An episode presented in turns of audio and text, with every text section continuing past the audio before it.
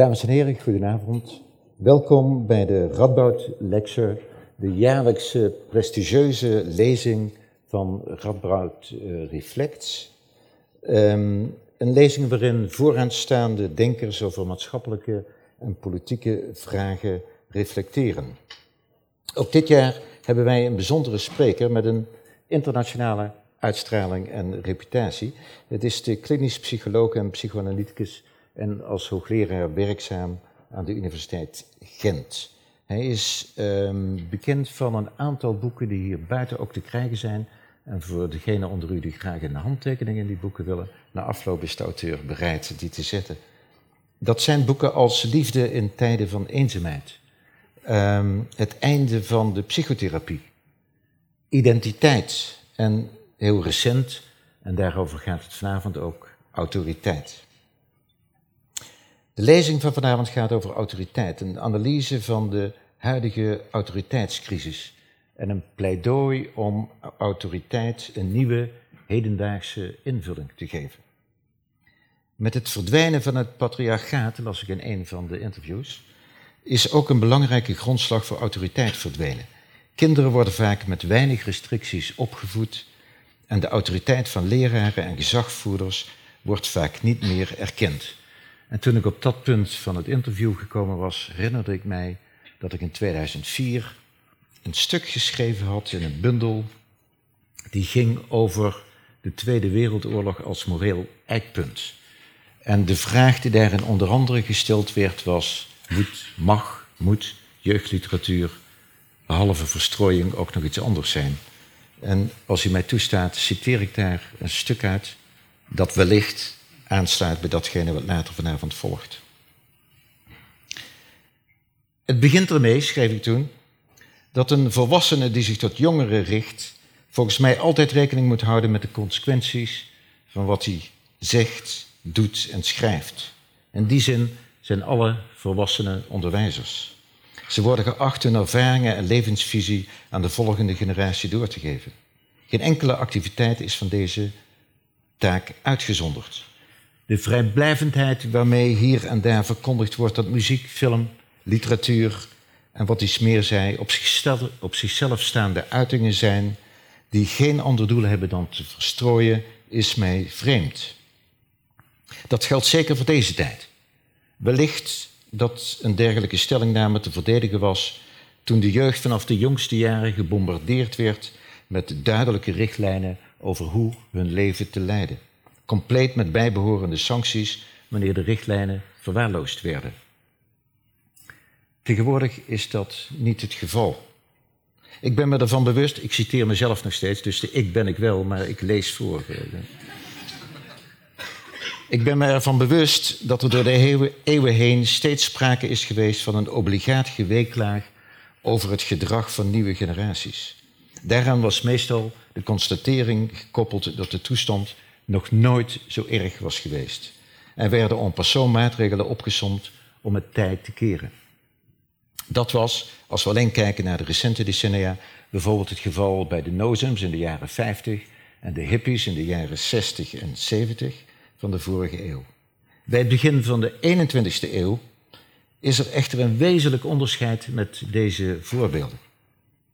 Jongeren uit de periode 1950 tot 1980 deden wat jongeren door de eeuwen heen hebben gedaan.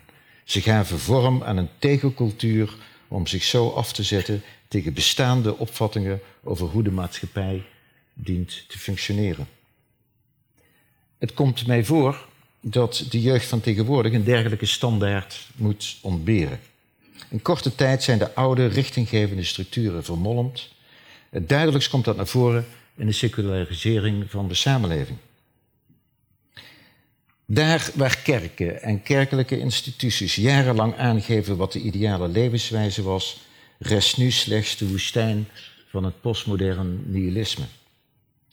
Er is niets in de plaats gekomen van de oude geboden. Let wel, en ik onderstreep dat nog een keer, ik roep niet op tot een conservatief reveil en al zeker niet tot een terugkeer van de kerkelijke discipline. Wat ik beweer is dat we, als alles relatief is, jongeren laten ronddwalen in een vacuüm zonder houvast. Ze moeten een weg zien te vinden in een wereld die zich aan hen voordoet in de bordkartonnen personages uit videoclips en populaire films. Ik begrijp dat Paul Vragen dit ook als zeer problematisch uh, ervaart. En zegt dat wij op zoek moeten naar een nieuwe basis van autoriteit in de samenleving. Om die autoriteit op een positieve manier te herstellen. Ik zag dat uh, hij onder andere zei dat uh, macht uitgesteld geweld is. Ik denk niet dat macht hetgene is dat zorgt voor structuur in de samenleving. Maar autoriteit. En autoriteit dan opgevat als verdiend gezag in plaats van dreigen met geweld. Na de lezing van Paul Vragen komt uh, Paul Bakker, hoogleraar geschiedenis aan de filosofie van deze universiteit, aan het woord. Die zal um, uh, de discussie leiden. En na afloop, ik zei het al, is er een korte signeersessie. En dan wilt u nu natuurlijk de spreker horen. Goedenavond. Eerst en vooral heel erg bedankt voor de uitnodiging. Ik sluit onmiddellijk aan uh, bij de filmpjes. Als je de kinderen hoort, dan is er hoop. Duidelijk dat zij uh, daar een goede reactie op hebben. Goed, uh, we hebben een probleem met de autoriteit. Dat is bij ons in Vlaanderen niet anders dan uh, bij jullie. Om maar één voorbeeld te geven dat dan bij ons op dit ogenblik vrij veel ophef maakt. De verkeersagenten in de grote steden, Brussel, Gent, Antwerpen, hebben gevraagd van in hun omgeving gewapende collega's te hebben. Anders kunnen ze, durven ze hun taak niet meer uitvoeren. Dus het verkeer regelen, ongewapend, dat durven ze blijkbaar niet meer aan. Uh, goed, ik ga niet verder ingaan op de probleemschets. Ik denk dat iedereen van ons dat elk op zijn of haar eigen manier wel voelt. Ik ga meteen over naar de oplossing die vaak naar voren geschoven wordt vandaag. En die oplossing die komt eigenlijk neer op uh, de roep naar een sterke leidersfiguur. Een sterke leidersfiguur die dan uh, law and order zal herstellen, die terug uh, een, een, soort klassiek uh, disciplinair regime op maatschappelijk niveau kan installeren. En steeds meer mensen denken in die richting als je de uitslagen van de verkiezingen ziet. In de hoop dat een dergelijke sterke leider opnieuw voor een rechtvaardig bestel zal zorgen. Als je dan die uh, oplossing gaat overdenken en als je eens praat uh, daarover, dan uh, blijkt daar de volgende redenering achter te schuilen. Ehm, het idee dat wij in de jaren 60, met name in mei 68, dat de toenmalige bevrijdingsbewegingen veel te ver doorgeschoten zijn, ehm, waardoor we nu ons in een maatschappelijke situatie bevinden waar er veel te weinig autoriteit is. Er was er vroeger veel te veel, daar is iedereen het ook wel over eens. Nu is er te weinig, dus moeten we het herstellen en is het een kwestie van uh, juiste dosering. Die redenering, denk ik, wordt door veel mensen herkend. En de oplossing is dan het proberen te herstellen, een terugkeer naar dat meer autoriteit. Wel nu, dat proberen we en het werkt niet. Het enige resultaat van die oplossingspoging is dat we steeds meer regels krijgen, dat de regeldruk alleen maar toeneemt, maar die regeldruk die slaagt er niet in van die autoriteit te herstellen. Dat probleem, daar worstel ik al een tijdje mee, om een aantal redenen binnen mijn vakgebied, daar ga ik nu niet op ingaan. Um, en op een bepaald ogenblik kreeg ik de tijd en de mogelijkheid om daar een studie over te maken. En ik heb me daar een paar jaar op toegelegd en ik heb ontzettend veel bijgeleerd. Uh, en het boek is daarvan het resultaat. Een van de eerste dingen die ik bijgeleerd heb, dat is dat we heel zorgvuldig moeten omgaan met de manier waarop we een probleem definiëren. Want in de manier waarop we een probleem gaan definiëren, zit eigenlijk de oplossing al inbegrepen. Dus als we dit probleem gaan definiëren als een tekort aan autoriteit, ja, dan is de oplossing duidelijk. Dan moet er meer autoriteit komen. En blijkbaar werkt dit niet. Dus dan zou het wel eens kunnen zijn dat die probleemdefiniëring verkeerd is. En dat we moeten op zoek gaan naar een andere manier om dit probleem te begrijpen. Op grond van mijn studie ben ik inderdaad tot de vaststelling gekomen dat het geen kwestie is van meer autoriteit te installeren. Dit lukt niet. Het enige resultaat daarvan is dat we steeds meer macht krijgen. En zoals in de inleiding terecht gezegd werd, dit is niet hetzelfde. Dit zijn twee verschillende dingen.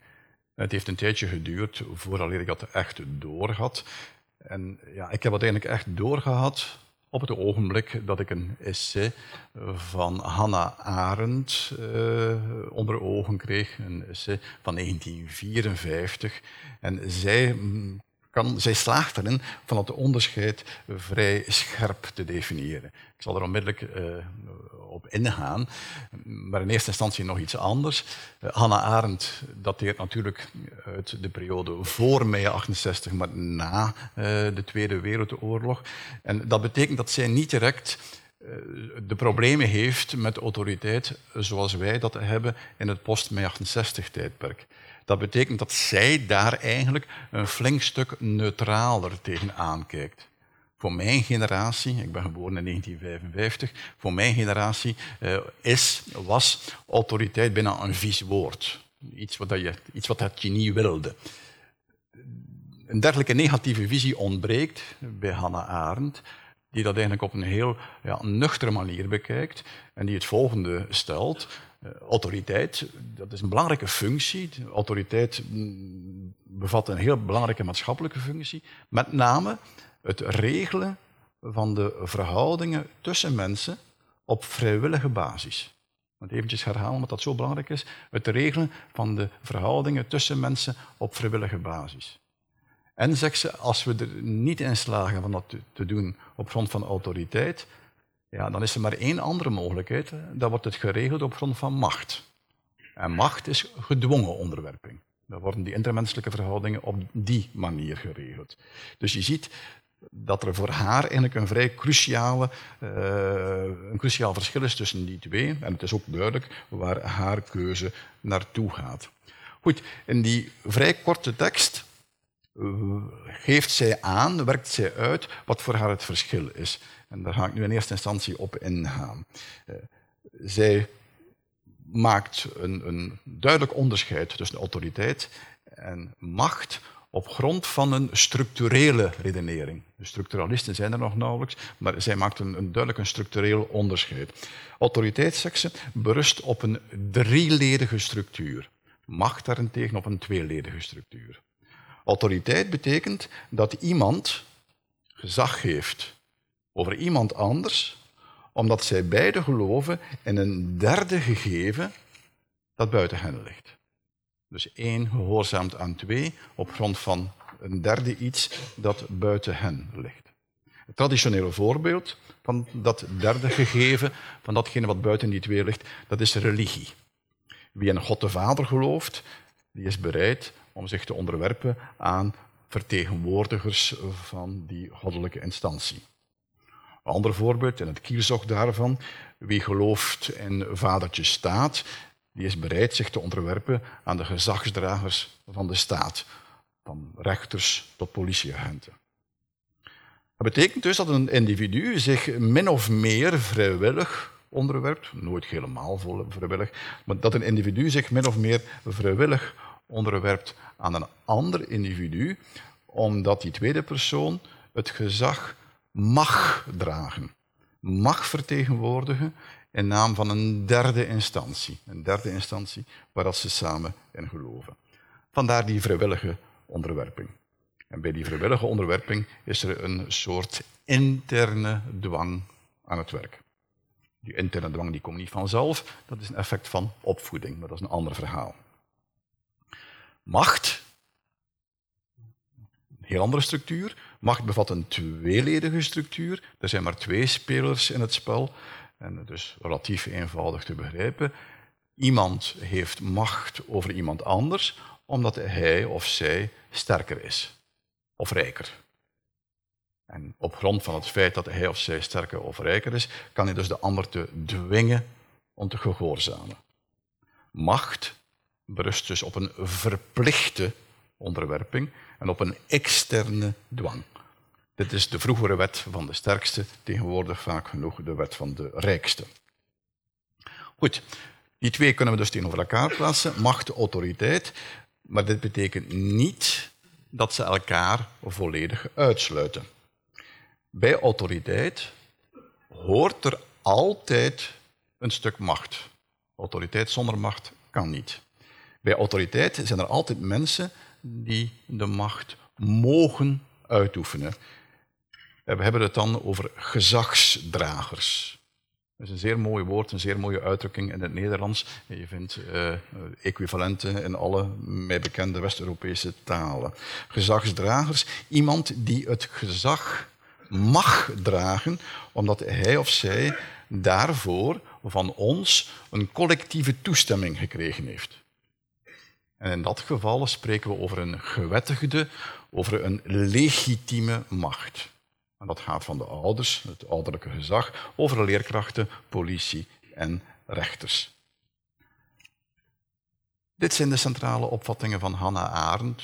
Ik heb ze licht uh, geïnterpreteerd, maar dit vind je als kern in haar essay terug. En eens dat je die invulling uh, overneemt, er zijn natuurlijk ook andere denkbare invullingen van autoriteit en macht. Maar eens je die invulling overneemt, dan kun je op grond daarvan een aantal misvattingen corrigeren. Een aantal uh, ideeën die je vandaag de dag heel vaak hoort en waarvan je op grond van deze beschrijving kunt zeggen van, maar eigenlijk klopt dit niet. Bijvoorbeeld, een uitdrukking die je vandaag vaak te horen krijgt, zeker bij ons in Vlaanderen, maar waarschijnlijk ook hier in Nederland. Uh, je krijgt vaak de volgende uitdrukking te horen die leerkracht, die docent, heeft geen autoriteit. En autoriteit wordt in een dergelijke uitspraak voorgesteld als een individueel kenmerk. Als iets wat een individu in meerdere of mindere mate kan hebben. Iemand uh, is lenig, iemand is intelligent en iemand heeft autoriteit. Zoiets als een soort intrinsiek individueel kenmerk. Wel, die uitspraak, in het licht van die omschrijving van Hannah Arendt, die uitspraak is fout. Dit betekent dat we hier een verwarring uh, aan het werk zien uh, tussen autoriteit en charisma. Of nog erger, tussen autoriteit en macht. De correcte lezing loopt als volgt. Een leerkracht kan alleen maar autoriteit dragen als wij hem of haar die autoriteit ook verlenen. Als hij door ons, door zijn of haar collega's, door zijn of haar directie gedragen wordt. Vandaag doen we heel vaak het omgekeerde. Dat bleek ook uit die, uh, die clip als introductie. En als een, uh, bijvoorbeeld een onderwijzer een kind straft, ja, dan is de kans vrij groot dat er de dag nadien een rits boze ouders op de stoep staan die hem terecht zullen wijzen. Maar vervolgens gaan we onze leerkrachten, onze docenten gaan beschuldigen dat ze de leerlingen niet in de hand kunnen houden. We nemen eerst hun autoriteit weg en dan gaan we hen nadien beschuldigen van het feit dat ze geen autoriteit zouden hebben.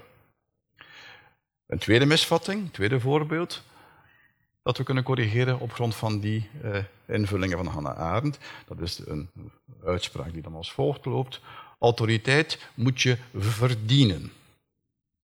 Nee, klopt niet. Autoriteit wordt verleend aan iemand omwille van zijn of haar functie. Gaande van onderwijzer, uh, scheidsrechter bij het voetbal, tot rechter, tot politieagent enzovoort enzovoort. Iemand wordt autoriteit verleend omwille van zijn of haar functie. Die autoriteit kan ook van die persoon afgenomen worden wanneer hij of zij die autoriteit niet goed draagt. En dan is het zeer opvallend dat in normale omstandigheden de functie alles dusdanig die autoriteit behoudt. Maar de persoon wordt ervan weggetrokken. De persoon die het blijkbaar niet kon dragen. De correcte versie van die uitdrukking Autoriteit moet je verdienen. De correcte uh, versie van die uitspraak luidt als volgt. Respect moet je verdienen. En dat is iets anders. Als persoon kan je inderdaad wel respect verdienen. Goed. Terug naar onze tijd. Terug naar onze problemen. Het essay van Hannah Arendt dateert van bijna 70 jaar geleden ondertussen. Als er binnen een gemeenschap autoriteit bestaat, dan verlopen de verhoudingen tussen mensen bij wijze van spreken vanzelf. En op dat ogenblik is er weinig gewettigde machtsontplooiing nodig. Dat is vandaag niet langer het geval, dat is vrij duidelijk. En de oorzaak daarvan ligt niet in het feit dat er te weinig autoriteit zou zijn, De oorzaak van die hedendaagse problemen ligt in het feit dat de traditionele autoriteit verdwenen is. En die is verdwenen omdat de grond ervan weggevallen is. Dat fameuze derde punt, dat externe punt waar Hannah Arendt het over had. En dat heeft een vrij vervelend nevenverschijnsel. Met name dat alle pogingen om die traditionele autoriteit te herstellen, dat die sowieso tot mislukken gedoemd zijn. Want die grond is er niet meer. En iedere keer dat we dat proberen opnieuw te installeren, botsen we eigenlijk op een soort vacuüm. Met als resultaat dat in plaats van een herinstallatie van die vorm van autoriteit, we niet veel anders doen dan macht installeren. En die macht die beginnen we overal rondom ons te zien. En als we het over macht hebben, dan denken wij heel vaak aan het beeld dat uh, ook op de cover van het boek uh, geplaatst is. En dan denken we aan een soort uh, brutale macht, een, gewapende macht. Wel, de macht waar wij vandaag de dag aan onderworpen worden, is veel subtieler. Hè? Dan heb ik het over de regeldruk. De regeldruk die alleen maar toeneemt en die ons eigenlijk steeds meer in de hoek duwt. Ehm, die regeldruk die, en dat vrees ik is een ervaring die we allemaal delen, die regeldruk, die zorgt eigenlijk niet voor het herstel van autoriteit. Die zorgt alleen voor frustratie en burn-out. Dat zijn de voornaamste effecten daarvan. We krijgen dus steeds meer een regeling van de verhoudingen tussen mensen op grond van macht. En macht, bekijk de geschiedenis, macht is inderdaad niets anders dan uitgesteld geweld. Goed, de vraag wordt dan, wat is de oorzaak van die verdwijning? Hoe komt het dat die traditionele autoriteit verdwenen is? Wel even terugkeren naar die uh, analyse van Hannah Arendt. Autoriteit berust op een drieledige structuur, waarbij een meerderheid gelooft in een externe grond voor die autoriteit buiten onszelf.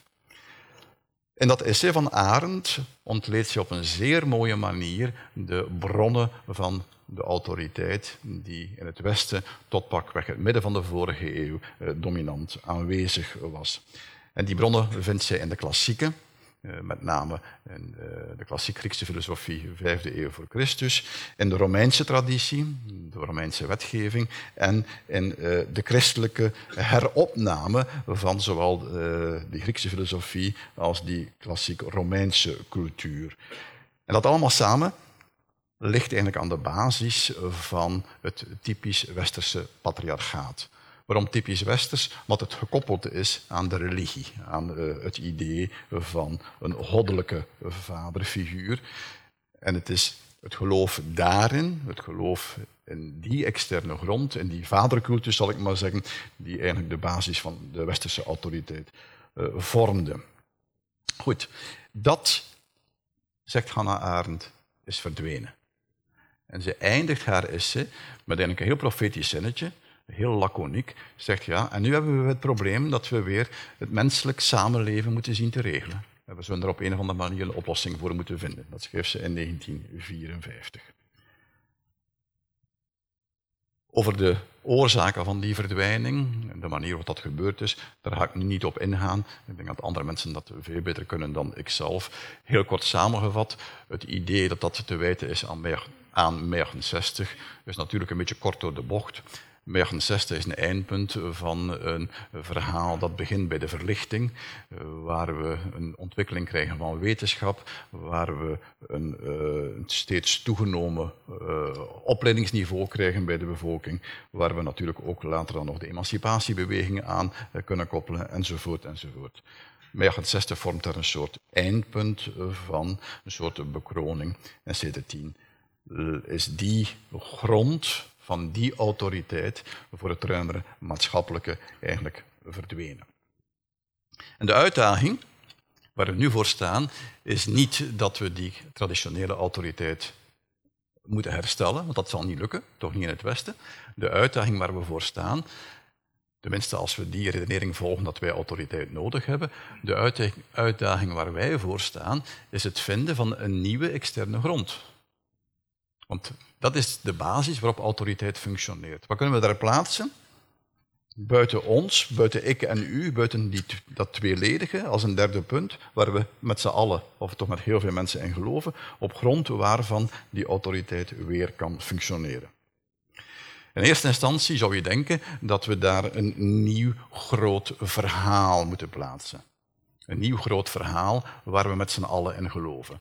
Eh, dat was ook het idee bij het postmodernisme. De grote verhalen hebben afgedaan, maar eigenlijk moeten we toch wel een nieuw groot verhaal vinden, want we kunnen niet echt zonder.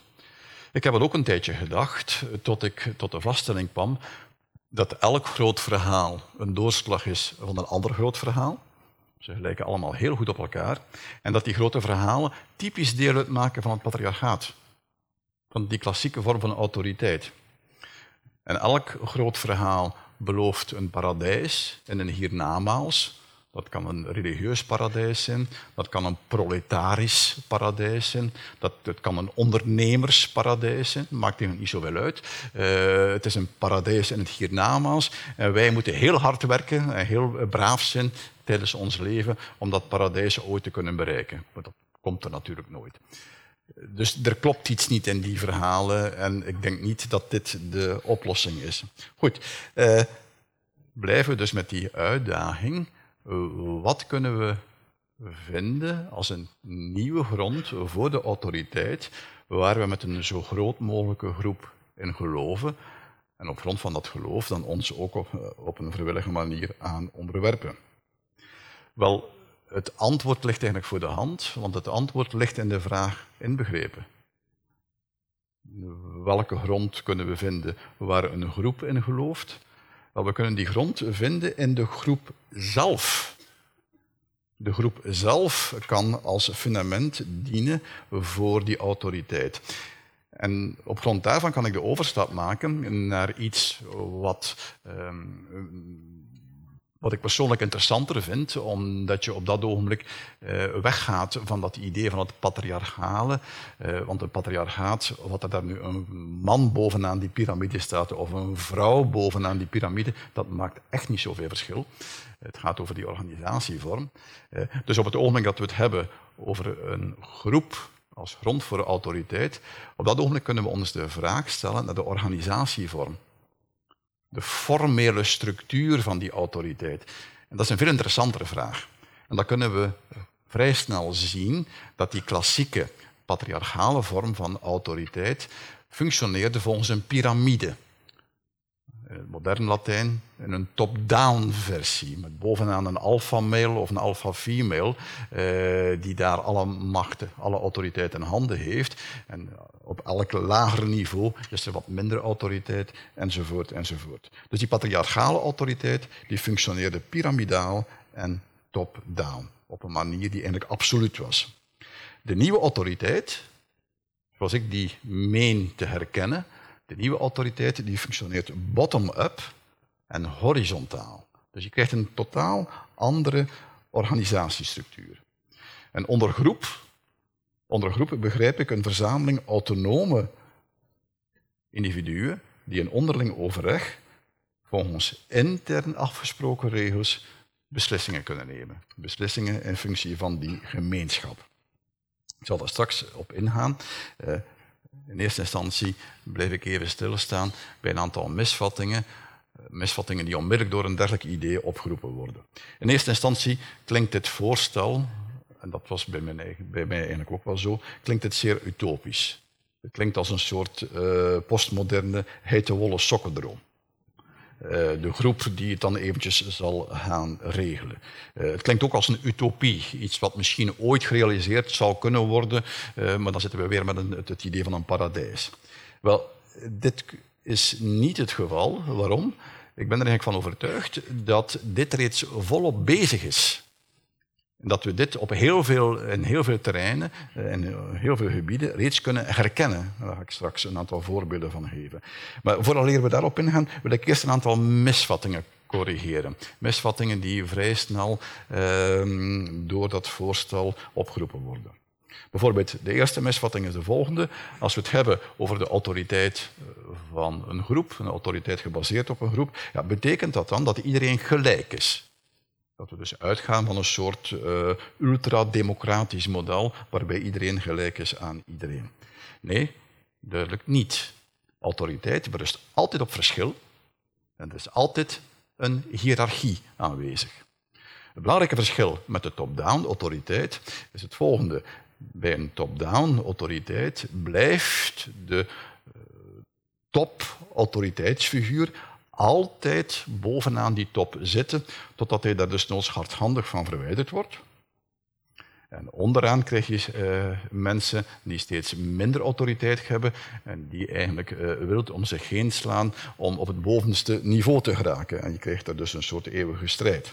Wel, binnen het nieuwe model, waar er ook een hiërarchie is, en waar er ook uh, ongelijkheid bestaat, in het nieuwe model spreken we veel eer over een horizontale autoriteit, met knooppunten. Knooppunten in plaats van toppunten.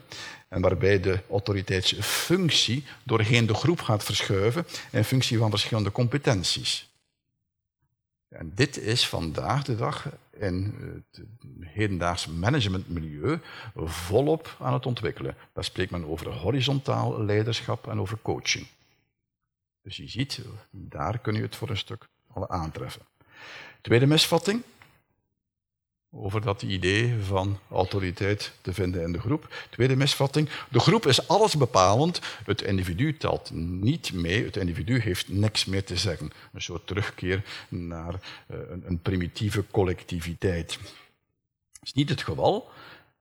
Dit gaat bij uitstek over een verzameling autonome individuen autonome individuen die in onderlinge verbondenheid beslissingen zullen nemen waarbij overleg centraal staat. Dus het gaat niet over een verzameling blinde termieten die op een of andere manier uh, vanzelf tot die, die collectieve beslissingen zullen komen. Dat is niet de bedoeling. Derde misvatting. Op het moment dat we een autoriteit zullen hebben gebaseerd op groep, dan wordt alles vrijheid en blijheid. In tegenstelling tot die vroegere uh, patriarchale autoriteit. Wel, dat is helaas een illusie waar ik jullie van moet bevrijden. Uh, en dan moet ik er iets nieuws bij vertellen. Autoriteit, als je maar diep genoeg graaft, en meestal hoef je niet zo diep te graven, autoriteit berust altijd oorspronkelijk op een grond van angst. Er is altijd aan de basis van autoriteit een of andere vorm van angst. En daarom is die vrijwillige onderwerping altijd maar min of meer vrij, onvrijwillig. Vroeger, bij het vroegere model, betrof die angst de angst voor de patriarchale autoriteit. En in feite kwam dat neer op de angst voor hel en verdoemenis en vagevuur eh, enzovoort enzovoort. De angst die bij de horizontale autoriteiten hoort, en dat wordt meer en meer duidelijk, dat is de angst voor de sociale controle. Dat is de angst voor de blik van de ander. Nu, als ik moet kiezen tussen een angst voor een onzichtbare God waar ik nooit aan kan ontsnappen, of angst voor een sociale controle, dan heb ik toch liever het tweede, zonder daarom naïef te zijn uh, op dat vlak. Nog even terzijde, wat die sociale controle betreft. Binnen die klassieke patriarchale autoriteit zie je een, een heel typisch kenmerk opduiken. Uh, en een kenmerk dat heel vaak als positief naar voren geschoven wordt. En dan spreken we over de trouw aan de leider, de, gezagsgetrouwheid. Uh, daar zijn heel veel romantische verhalen uh, over gemaakt, enzovoort, enzovoort. In terugblik is een dergelijke trouw eigenlijk zwijgplicht en medeplichtigheid. Het komt eigenlijk neer op de omerta. Het is ook heel typisch dat je binnen die structuren, eh, zoals de maffia, die heel patriarchaal zijn, dat de zwijgplicht en de trouw daar zo centraal staan. Wel, met de nieuwe autoriteit is dit verdwenen. De nieuwe autoriteit met die horizontale controle, met die sociale controle, brengt heel snel dingen naar buiten en die worden niet meer tegengehouden vandaag de dag. Wikileaks was ondenkbaar hè?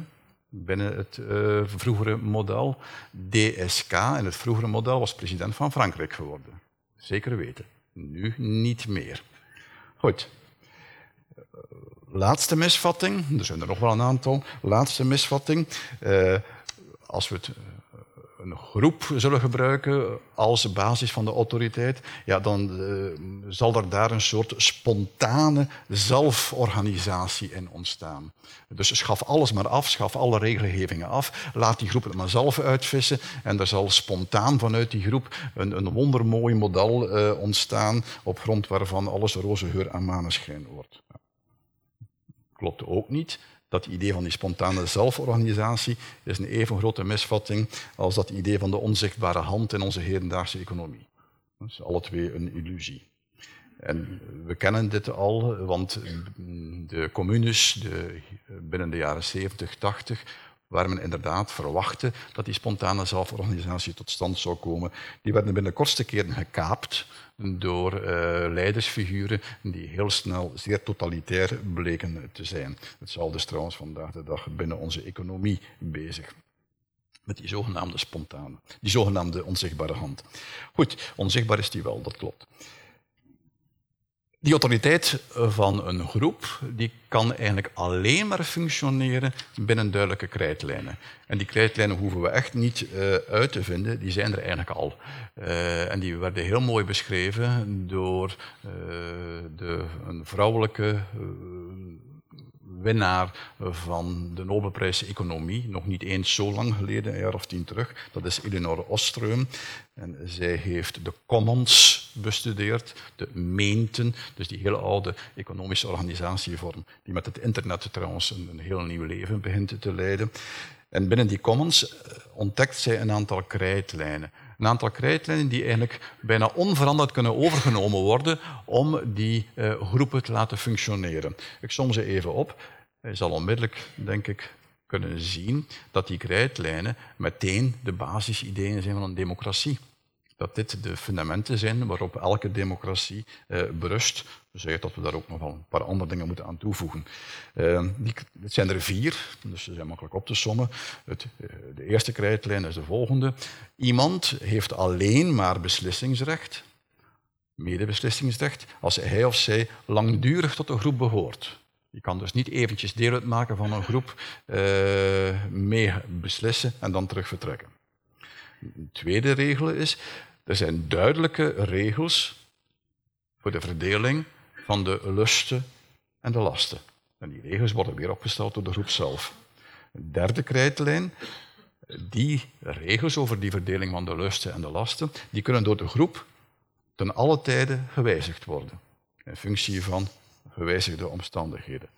En de laatste regel, is ook vrij voor de hand liggend, is dat die groep bezit de wettige macht om overtredingen te sanctioneren.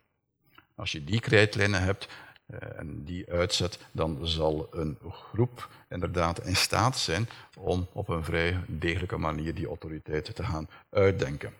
Wat is de grootste moeilijkheid bij dit model? Niet dat het niet werkt dat is een reactie die je vaak te horen krijgt, zeker als je met bedrijfsleiders praat, dat dit niet zal werken, dat dit veel te soft is, enzovoort, enzovoort. Er zijn zeer overtuigende voorbeelden, ook van grote bedrijven, van grote organisaties, waar dit uitstekend werkt. De grote moeilijkheid om dit te installeren is dubbel. Ten eerste, om het te installeren moeten een aantal topfiguren bereid zijn hun functie op te geven bereid zijn, niet zozeer om hun functie op te geven, dat is misschien een beetje te kras uitgedrukt, maar minstens bereid zijn om die functie een heel andere invulling te geven. Niet meer van boven op die piramide, maar eigenlijk beneden op de vloer, binnen die horizontale autoriteit, om dat te gaan delen met de andere knooppunten. De tweede moeilijkheid, in vergelijking met die uh, klassieke uh, autoriteit, en nu ga ik het eventjes anders benoemen in managementtermen, die klassieke autoriteit, dat is de command and control authority, command and control. Als je dat binnen een managementmilieu wilt gaan presenteren, dan is dat schitterend. Je kan dat met een perfecte PowerPoint doen, waar dat je sheet na sheet toont van hoe dat die organisatiestructuur gebracht moet worden, wat stap 1 is, wat stap 2 is, eh, enzovoort, enzovoort. In de praktijk werkt het niet, maar dat is een detail. Als je dit model moet presenteren, dan lukt het niet, of lukt het veel minder goed. Waarom? Omdat het contextueel gebonden is. Het command and control model heeft ons de illusie dat je overal hetzelfde kunt doen. Vandaar dat het zo overtuigend overkomt. Dit model gaat er eigenlijk vanuit dat afhankelijk van de context, afhankelijk van het moment, dat er heel andere beslissingen genomen moeten worden, dat er heel andere invullingen moeten komen. En dus kan je dit niet zo overtuigend gaan presenteren. Goed, daarmee heb ik de eerste helft van mijn boek verteld. Er staat natuurlijk veel meer in dan dat, maar in een nutshell. Het tweede deel van het boek geeft de toepassingen. En dat was voor mij een aangename verrassing eh, om te zien dat er op heel veel velden, belangrijke gebieden, dit model reeds voor een flink stuk van toepassing is. Dus wij zijn al aan het veranderen. Wij zijn bezig met onze maatschappij op een andere manier te organiseren. En de volgende stap, denk ik, is dat we ons daar bewust van moeten worden en dan kunnen we het nog een stukje beter organiseren. Ik geef vier toepassingsvelden, de genderverhoudingen, onderwijs en opvoeding, economie en politiek. Dus dat zijn vrij belangrijke velden. Ik ga het voorbeeld nemen waar ik in Nederland het meeste over ondervraagd word, meer dan in Vlaanderen, en dat is opvoeding. In Vlaanderen, als ik een lezing geef of als ik een interview heb, gaan de vragen stevast over politiek. Uh, tot vervelens toe. In Nederland gaat het veel meer over onderwijs. Dat toont waarschijnlijk de, accentverschillen tussen uh, de twee landen. Goed. Uh, en ik geef graag het voorbeeld van onderwijs en opvoeding, omdat ik dan onmiddellijk een voorbeeld van mezelf kan geven. Ik ben de trotse grootvader van een klein dochtertje van 18 maand, dank u. ze stelt het zeer goed. En Lus, zo heet ze, het licht, Lus, Lus blijft één dag per week bij ons. Mijn vrouw werkt niet meer, dus ze heeft tijd om ervoor te zorgen. Blijft een tweede dag per week bij de andere oma en opa. Die werken ook niet meer. Ik ben de enige die nog werkt, blijkbaar. Uh, drie dagen in de week verblijft ze in de crash, wat jullie kindergarten noemen, geloof ik. Uh, en twee dagen per week is ze bij haar gelukkige ouders. En nu is mijn vraag van, wie voedt er haar op? Wie voedt er haar op? is duidelijk dat dat uh, meisje, dat dat kindje opgevoed wordt door een groep. Het is ook duidelijk dat die autoriteit, die daar noodzakelijk aanwezig is, want opvoeden zonder autoriteit kan niet, het is duidelijk dat die autoriteit bij haar opvoeding gedeeld wordt door een groep. En maak even de vergelijkingen met mijn opvoeding, met de opvoeding van een aantal onder jullie, niet van iedereen, afhankelijk van jullie leeftijd. Ik ben nog opgevoed eh, in het klassieke patriarchale model, dat je het makkelijkst als volgt kunt eh, samenvatten, wacht maar tot dat papa thuis komt. Wacht maar tot dat papa thuis komt. En de autoriteit lag bij de vaderfiguur. En dat werkte toen. Dat werkte. ik ben er redelijk goed uitgekomen, dank u. Uh, dit werkt nu niet meer. Dit klinkt nu gewoon ofwel ouderwets ofwel belachelijk. Uh, of de twee samen. Maar hoe dan ook, er is autoriteit nodig en die wordt gedeeld door een groep. Maar dat plaatst ons dan meteen voor de uitdaging dat we dit bewust moeten installeren. Dat we ons daar bewust van moeten zijn. En dit gebeurt al heel vaak. Hè. Uh, waar moeten we ons bewust van zijn? Dat we min of meer dezelfde spiegeling zullen voorthouden opvoeding, ontwikkeling gebeurt via spiegelingsprocessen, via mirroringprocessen. Uh, en daar moet een zekere consistentie in zitten. Het moet niet systematisch exact hetzelfde zijn, maar er moet een zekere consistentie in zitten. En dus is het een goede zaak dat die groep mensen gaat afspreken. En dat gebeurt bijna spontaan. Waar loopt het dan vaak verkeerd? Wel met de school. En dan krijg je een conflict tussen ouders en de school. Uh, de, de, juf uh, heeft een bepaalde interventie gedaan, heeft bijvoorbeeld straf gegeven uh, omwille van iets wat het kindje mispeuterd had. de moeder of de vader wordt boos, staat op de stoep bij de school, gaat er over mm, klagen, enzovoort, enzovoort. En wat krijg je? Je krijgt een verdeelde autoriteit. En de verdeelde autoriteit wordt zeer snel geen autoriteit. Goed, ik geef een voorbeeld uit mijn uh, onmiddellijke omgeving. Een vrienden van mij uh, hebben een uh, dochtertje van een jaar of vier, denk ik. En er was inderdaad een conflict op school. en de, in dit geval was de mama vrij kwaad. Het was de mama die eigenlijk op het punt stond van haar beklag te gaan doen bij de juf. Ehm, de vader bekeek het anders. De vader zei van ja, maar we hebben thuis eigenlijk ook wel een aantal problemen met uh, ons dochtertje die in dezelfde richting gaan. Laat ons dus met die juf gaan praten en kijken hoe dat we dat min of meer op dezelfde manier kunnen aanpakken, in plaats van uh, het op een verschillende manier te gaan doen. En ze hebben dat gedaan uh, en dit lukt vrij aardig. Het gedrag dat dat kindje stelde en waar ze moeite mee hadden, wordt nu op die verschillende vlakken, dus op school en thuis, min of meer op dezelfde manier aangepakt. Goed, dus dit is een illustratie van een uiterst belangrijke verschuiving. De verschuiving van een traditionele autoriteit, top-down, piramidaal, meestal bij één figuur, naar een autoriteit die horizontaal is, die verspreid is over meerdere figuren, waarbij natuurlijk de verantwoordelijkheid wel bij de ouders zal blijven liggen, maar hoe dan ook, er zijn meerdere figuren en het zijn knooppunten. En dit hoeft geen probleem te zijn op voorwaarde dat we daar ons maar bewust van zijn en gaan afspreken. Want opvoeding kun je eigenlijk op een dubbele manier gaan bekijken. Je hebt bij de opvoeding een aantal processen. En die processen die zijn eigenlijk overal hetzelfde en die zijn vrij goed beschreven in de psychologie. Dat is dan mijn vorige boek, Identiteit, de manier waarop onze identiteit tot stand komt via die spiegelingsprocessen enzovoort enzovoort. En dat betekent dat dat bij heel jonge kinderen uh, vrij duidelijk moet zijn, met vrij duidelijke afspraken. En bij oudere kinderen moeten ze meer loslaten en kun je meer autonomie geven. Vandaag keren we de zaken vaak om. We geven ze aanvankelijk alleen maar vrijheid. Dan loopt het mis als ze een jaar of elf zijn en dan worden we plots heel streng. Dat is echt geen goed idee. Uh, op dat ogenblik moet je juist kunnen loslaten. Uh, maar goed, als dat te vroeg gebeurd is, gaat men het dan gaan doen op het verkeerde moment. Dus dat over die processen, daar bestaat eigenlijk weinig twijfel over. Hoor. Over de inhoud, daar kun je heel sterk over discussiëren. De manier waarop ik mijn kinderen wil opvoeden, dat betekent dus het soort mensen dat ik hen graag zou zien worden. Want je voedt je kinderen toch op met een bepaald ideaalbeeld in je achterhoofd. Het, het, het, soort mensen dat ik hen graag zou willen zien worden, dat hoeft niet het soort mensen te zijn dat iemand anders wil hebben. Daar kunnen we heel verschillende opvattingen over hebben en dat is geen probleem. Dat, dat, dat betekent dan wel dat ik dan ook de scholen best kan kiezen die min of meer aansluiten bij mijn opvattingen. Als ik een andere school kies, dan zal ik problemen hebben. Dus over het proces kunnen we eigenlijk weinig discussiëren, over de inhoud wel. Goed, dat was het voorbeeld van onderwijs. Een ander voorbeeld is economie. Dit model, wordt, het model dat ik voorstel, eh, vindt natuurlijk een eh, heel mooie illustratie in zogenaamde coöperatieve bedrijven. Coöperatieve bedrijven waar eh, de arbeiders of de werknemers meteen ook eigenaar zijn van het bedrijf enzovoort enzovoort.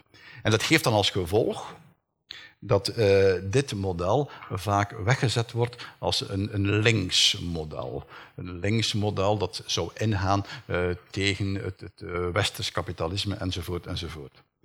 Ook dit klopt niet. Het sterkste voorbeeld en het oudste voorbeeld van een bedrijfsorganisatie die op deze manier gestoeld is, is een Braziliaans bedrijf dat naar de naam Semco luistert. Er zijn verschillende mooie uitzendingen op de Nederlandse televisie geweest daarover. Eh, je kunt ze altijd op het internet bekijken. De leider van Semco zegt uitdrukkelijk: Ik heb een kapitalistisch bedrijf, ik wil winst maken en dit is een van de betere manieren om winst te maken. Dus dit werkt ook zeer goed op dat vlak. En voor alle duidelijkheid, wat dat onderscheid links-rechts betreft, de sterkste patriarchale structuren vond ik in het communisme en het socialisme de piramidale structuur bovenaan en naar beneden. Dus je ziet die klassieke invullingen van links en rechts, die behoren eigenlijk ook tot het verleden. We zullen links en rechts een nieuwe invulling moeten geven. Uh, en ik ben niet eens zeker dat die zal overlappen met datgene wat ik nu voorstel. Uh, de nieuwe uh, oppositie waar wij voor staan is horizontaal of verticaal. Daarover gaat het. Zal, zullen we iets horizontaal installeren? Naar de nieuwe versie toe of gaan we het verticaal gaan installeren? Ik zie dat ik op het einde van mijn praatje kom. Um, we hebben ook voorbeelden binnen de politiek. Mijn landgenoot David van Rijbroek, jullie wel bekend neem ik aan, heeft er heel hard op gewerkt. Het uh, politieke model, de nieuwe uh, stap in de democratie die wij moeten zetten, waar hij uh, als een van de eerste op gewezen heeft, dat is de deliberatieve democratie. Wat iets anders is dan de parlementaire democratie. Maar goed, dat is eventueel materiaal voor straks tijdens de vragen. Ik wil eindigen met het volgende. Ik ga even terugkeren naar mijn analyse, gebaseerd op Hannah Arendt, wat autoriteiten betreft.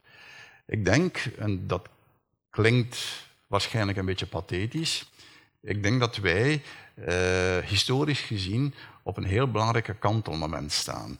Uh, het patriarchaat, dus die klassieke vorm van autoriteit, uh, als we dat antropologisch gaan bekijken, dat zal ongeveer een 10.000 jaar in beslag genomen hebben. We weten niet goed wat er voordien was bij de jager-verzamelaars. We kunnen daar een beetje over fantaseren, maar we weten het niet. Maar we weten wel dat het patriarchaat gedurende 10.000 jaar gefunctioneerd heeft in het Westen en dat het nu aan het verdwijnen is. Het is eigenlijk al weg. En we staan dus voor die uitdaging die Hannah Arendt in de twee laatste regels van haar essay uh, schrijft, van hoe gaan we het nu organiseren? Hoe gaan we die uh, verhoudingen tussen mensen op maatschappelijk niveau organiseren? Wel, afgaande op haar analyse hebben we eigenlijk maar twee mogelijkheden. Ofwel gaan we een nieuwe vorm van autoriteit installeren, waar we ons dan vrijwillig aan onderwerpen, ofwel gaan we naar macht. En de maatschappij kan inderdaad helaas ook vrij goed functioneren op grond van macht. Nu, we hebben voorlopig, denk ik, zeker in het Westen, nog de keuzemogelijkheid. We kunnen het voorlopig nog sturen in welke richting we willen gaan. Een richting waar het over autoriteit zal gaan, of een richting waar het steeds meer macht wordt. Ik heb mijn keuze al gemaakt. Dank u.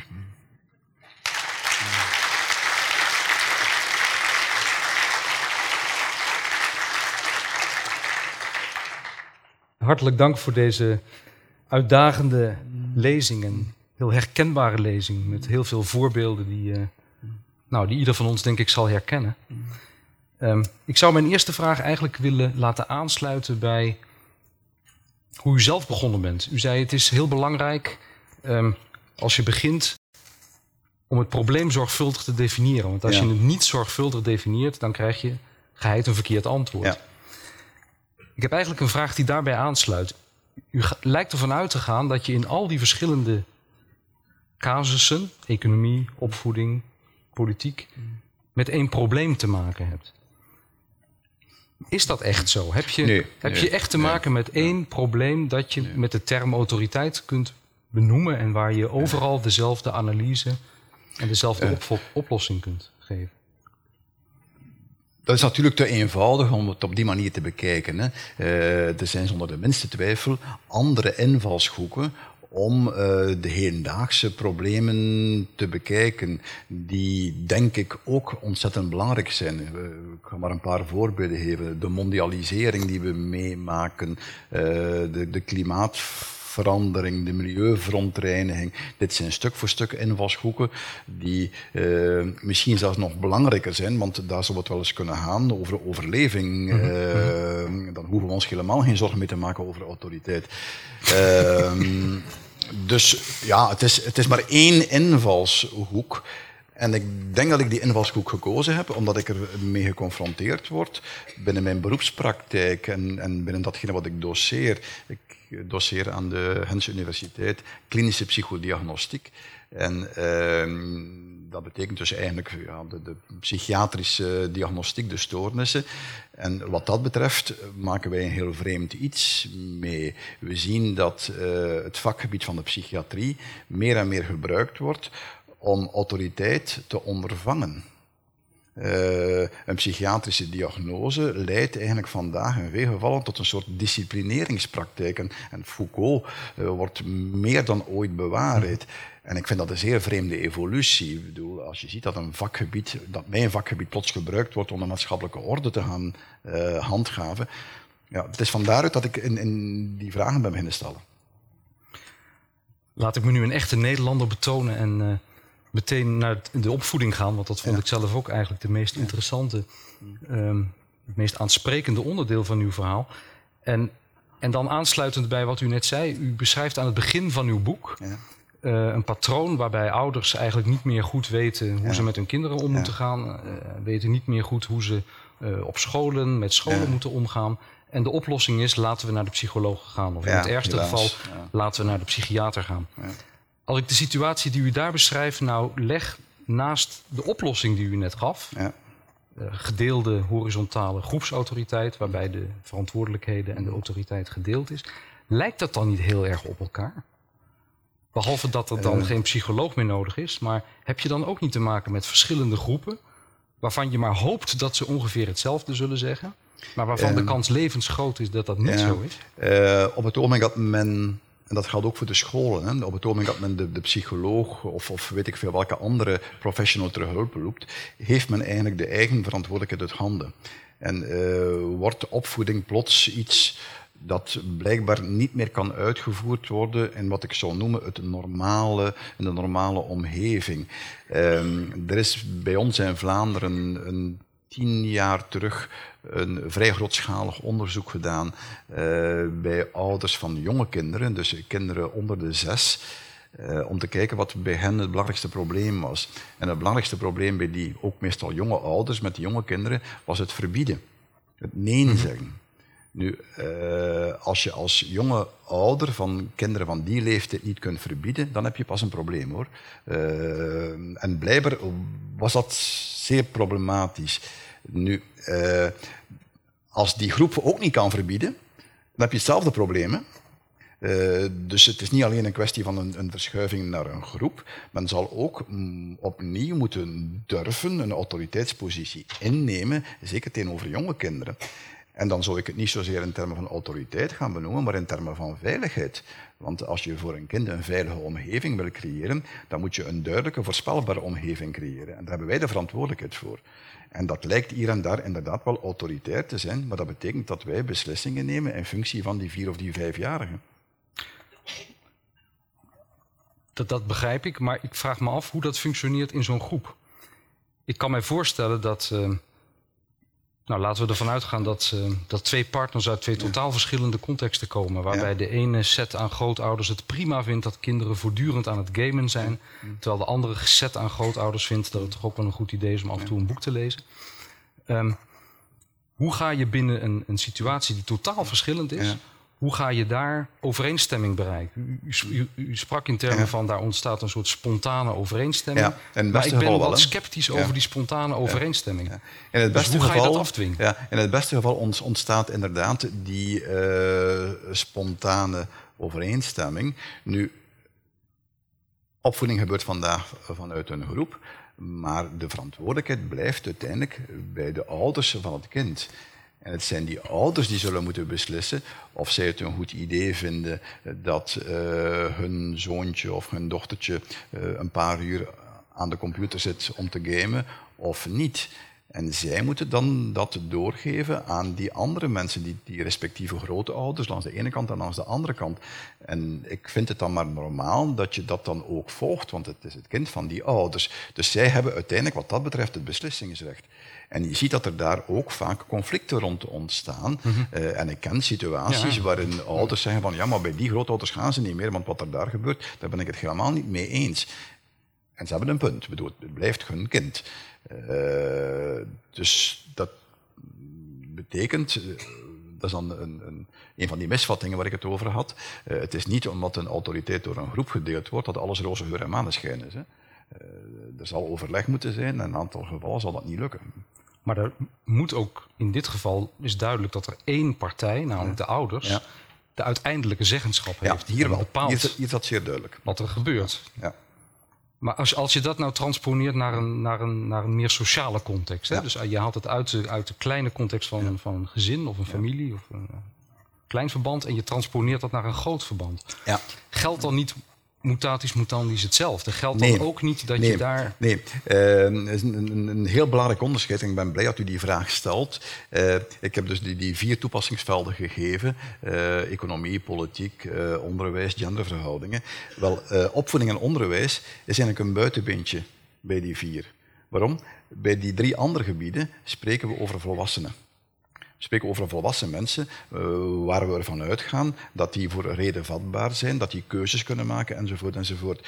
Als we spreken over kinderen en over kleine kinderen, uh, die hebben die mogelijkheid, zeker als klein zijn, niet. Vandaar dat dat ook wettelijk overal geregeld is. De ouders hebben het wettelijk gezag, hebben de wettelijke verantwoordelijkheid, het ouderlijke gezag, zoals we dat in Vlaanderen noemen. En dat zal hier ook wel zo zijn. En als je dat niet naar behoren uitoefenen, kan er ook afgetrokken worden, kan er ook weggenomen worden. Maar dat betekent dat we er dus van uitgaan dat een kind net een kind is, omdat het niet in staat is van een aantal beslissingen zelf te nemen. Dat is een enorm verschil mhm. met bijvoorbeeld een politiek of een bedrijf of waar we met volwassenen te maken hebben. Dus dat wil ik toch wel even reserveren. Dat is een ander gebied. Uh, dus je kan dat niet zomaar transponeren. En in die zin uh, moeten we dan ook binnen de opvoeding een, minstens uh, een paar figuren hebben, en meest voor de hand liggende zijn de ouders, bij wie die verantwoordelijkheid uitdrukkelijk berust. Je kan het niet bij een vierjarige leggen, dat gaat niet. Nee, dat verschil is duidelijk. En dat, ik denk ook, dat verschil is ook heel duidelijk juridisch verankerd ja, natuurlijk. Klopt, ja. Maar op het moment waarop je nu toch eventjes transponeert naar een grotere context, dan zie je denk ik hier een probleem ontstaan. Namelijk het feit dat omdat je juist met eh, allemaal volwassenen te maken hebt, het probleem van minderjarigheid niet hebt, je iets ziet ontstaan dat denk ik heel riskant is. Namelijk het feit dat binnen een groep je altijd mensen hebt die intelligenter zijn, slimmer, sluwer, manipulatiever, sociaal vaardiger, verbaal uh, vaardiger bestaat de kans niet dat op het moment waarop je niet een soort van helder gedefinieerde autoriteit hebt, dat mensen de macht gewoon naar zich toe trekken op basis van dit soort verschillen. Ja, maar de, helder gedefinieerde autoriteit zal dan te maken hebben met uh, de regels op grond waarvan dat die groep functioneert die zal eerder daarin liggen dan in figuren. Uh, ik heb op een bepaald moment gedacht toen ik het boek schreef, uh, ik moet toch ook een stuk schrijven, een hoofdstuk schrijven over leiderschap. Ik heb me daar toen vrij goed over geïnformeerd. En op grond van die informatie heb ik gedacht van, ik zal, doe het niet, want het, het is een boek op zich. Um, maar wat ik daaruit geleerd heb, is dat er vandaag binnen uh, die studies dat er enorm veel aan het veranderen is. En dat men dus nu uh, redeneert in termen van horizontaal leiderschap. Wat eigenlijk betekent dat um, de, het beslissingsrecht kan verschuiven van figuur naar figuur in functie van de competenties die op dat ogenblik gevraagd worden. Dus een groep functioneert, werkt rond een bepaald onderwerp. Uh, en afhankelijk van datgene wat men op dat ogenblik nodig heeft, zal iemand anders op dat ogenblik de leiding hebben. Ik snap het, maar met dit soort, met dit soort beschrijvingen denk ik altijd: wat gebeurt er bij een conflict? Of wat gebeurt er bij, een, bij problemen? Hoe, hoe ga je in zo'n situatie om? Wie neemt uiteindelijk het heft in handen om een probleem op te lossen? Is dat, um, kom je niet uiteindelijk terecht in een soort recht van, het van de sterkste of recht van de slimste of recht van... Normaal gezien, je dat? Ja, normaal gezien niet. Uh, en dan moet ik weer terugkeren naar die krijtlijnen. Uh, het zal de groep zijn die dan een beslissing gaat nemen. En het zal de groep zijn die eigenlijk uh, een, iets zal sturen in een bepaalde richting. En die dus nooit iemand uit de groep zet het is dus niet allemaal pees en vree. Hè. Het is niet de flower power uh, toestand. Um, het voorbeeld van Semco is op dat vlak misschien een, mooie illustratie. Dus Semco, dat is dat Braziliaans bedrijf. De bedrijfsleider was Semler. Uh, een van de ja, opvallende ervaringen in het begin van de herorganisatie van zijn bedrijf was het volgende. En zeker in het licht van wat er vandaag de dag gebeurt. Uh, hij schafte alle veiligheidsmaatregelen af. Veiligheidsmaatregelen die eigenlijk bedoeld waren om diefstal en misbruik in het bedrijf tegen te gaan. Wat we dus vandaag de dag eerst herkennen onder de vorm van cameracontrole, pasjes die uh, gebruikt moeten worden, enzovoort, enzovoort. Dus hij schaft dat allemaal af.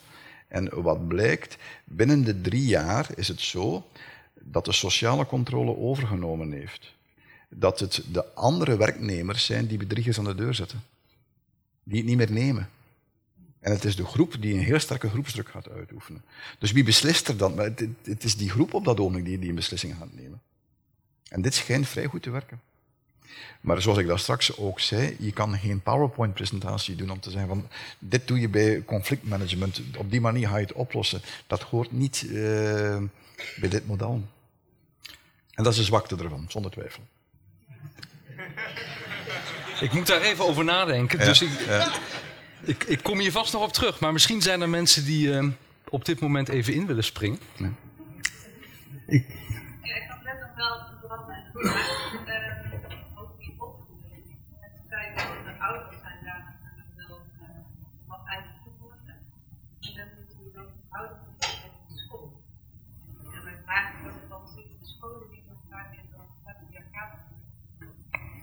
Um, een aantal scholen zal nog in dat systeem zitten, een aantal andere niet. Um, en nu wil ik even terugkeren naar het onderscheid dat ik gemaakt heb tussen het proces en de inhoud. Uh, bij het proces weten we wat er werkt en wat er niet werkt. Op grond van ontwikkelingspsychologische gegevens, op grond van een klassieke pedagogiek en eigenlijk ook op grond van die analyse van Hannah Arendt. Wij als ouders moeten autoriteit verlenen aan die leerkrachten. Als wij hen dat niet verlenen, dan hebben ze geen autoriteit en dan werkt het niet. Dus dit is een formeel proces waar we niet buiten kunnen. En op dat vlak loopt er vandaag de dag zonder de mensen twijfel nogal uh, een aantal dingen verkeerd. Wat de inhoud betreft, en dan kom ik bij uw opmerking van sommige scholen functioneren nog vrij patriarchaal. Het kan best zijn dat ik daar niet mee akkoord ga. Dat ik vind van, ja, maar ik wil die vorm van autoriteit niet meer. En ik wil niet dat mijn dochtertje of mijn zoontje in een dergelijke omgeving opgevoed wordt. Maar dan is het antwoord vrij duidelijk, dan kies je een andere school. Want dat betekent dat, dat ik mij als ouder niet kan herkennen in de opvoedingsnormen en waarden die door die school naar buiten gedragen worden.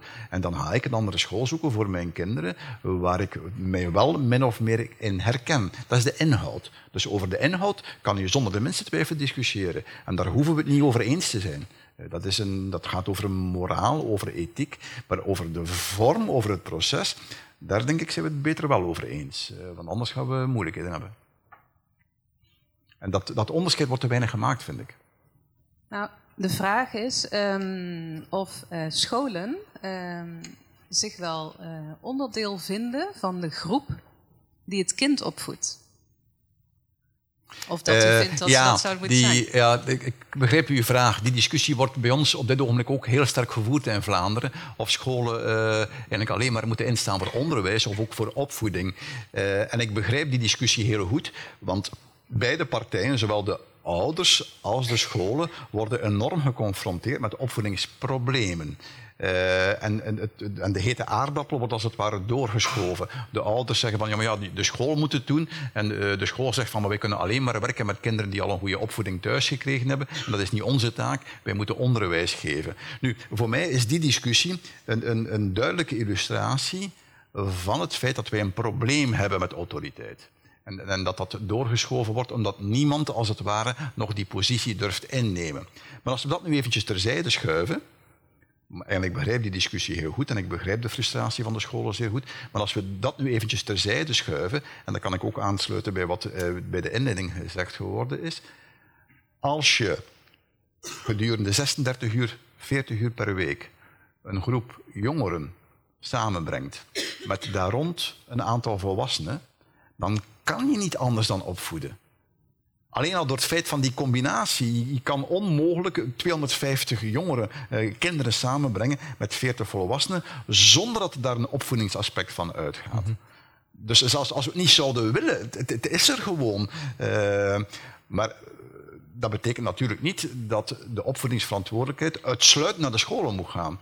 Maar het gaan ontkennen, ja, dat is ontkennen dat er zwaartekracht is. Hè. De, uh, dus we kunnen ons daar dan ook wel beter bewust van zijn.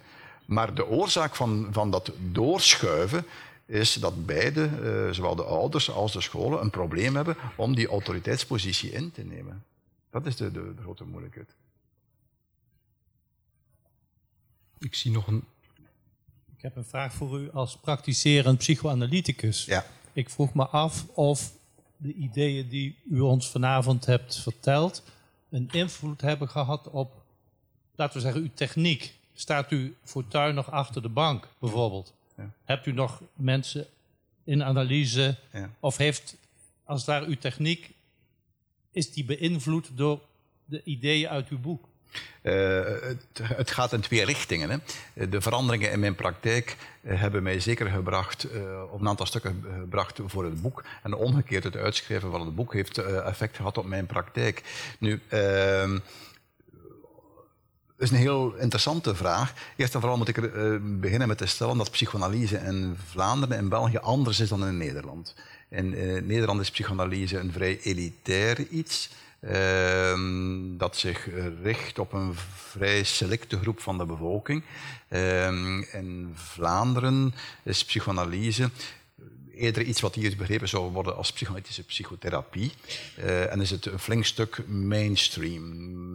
Wij werken meer met uh, de, de, mensen die ook naar een GGZ uh, zouden gaan.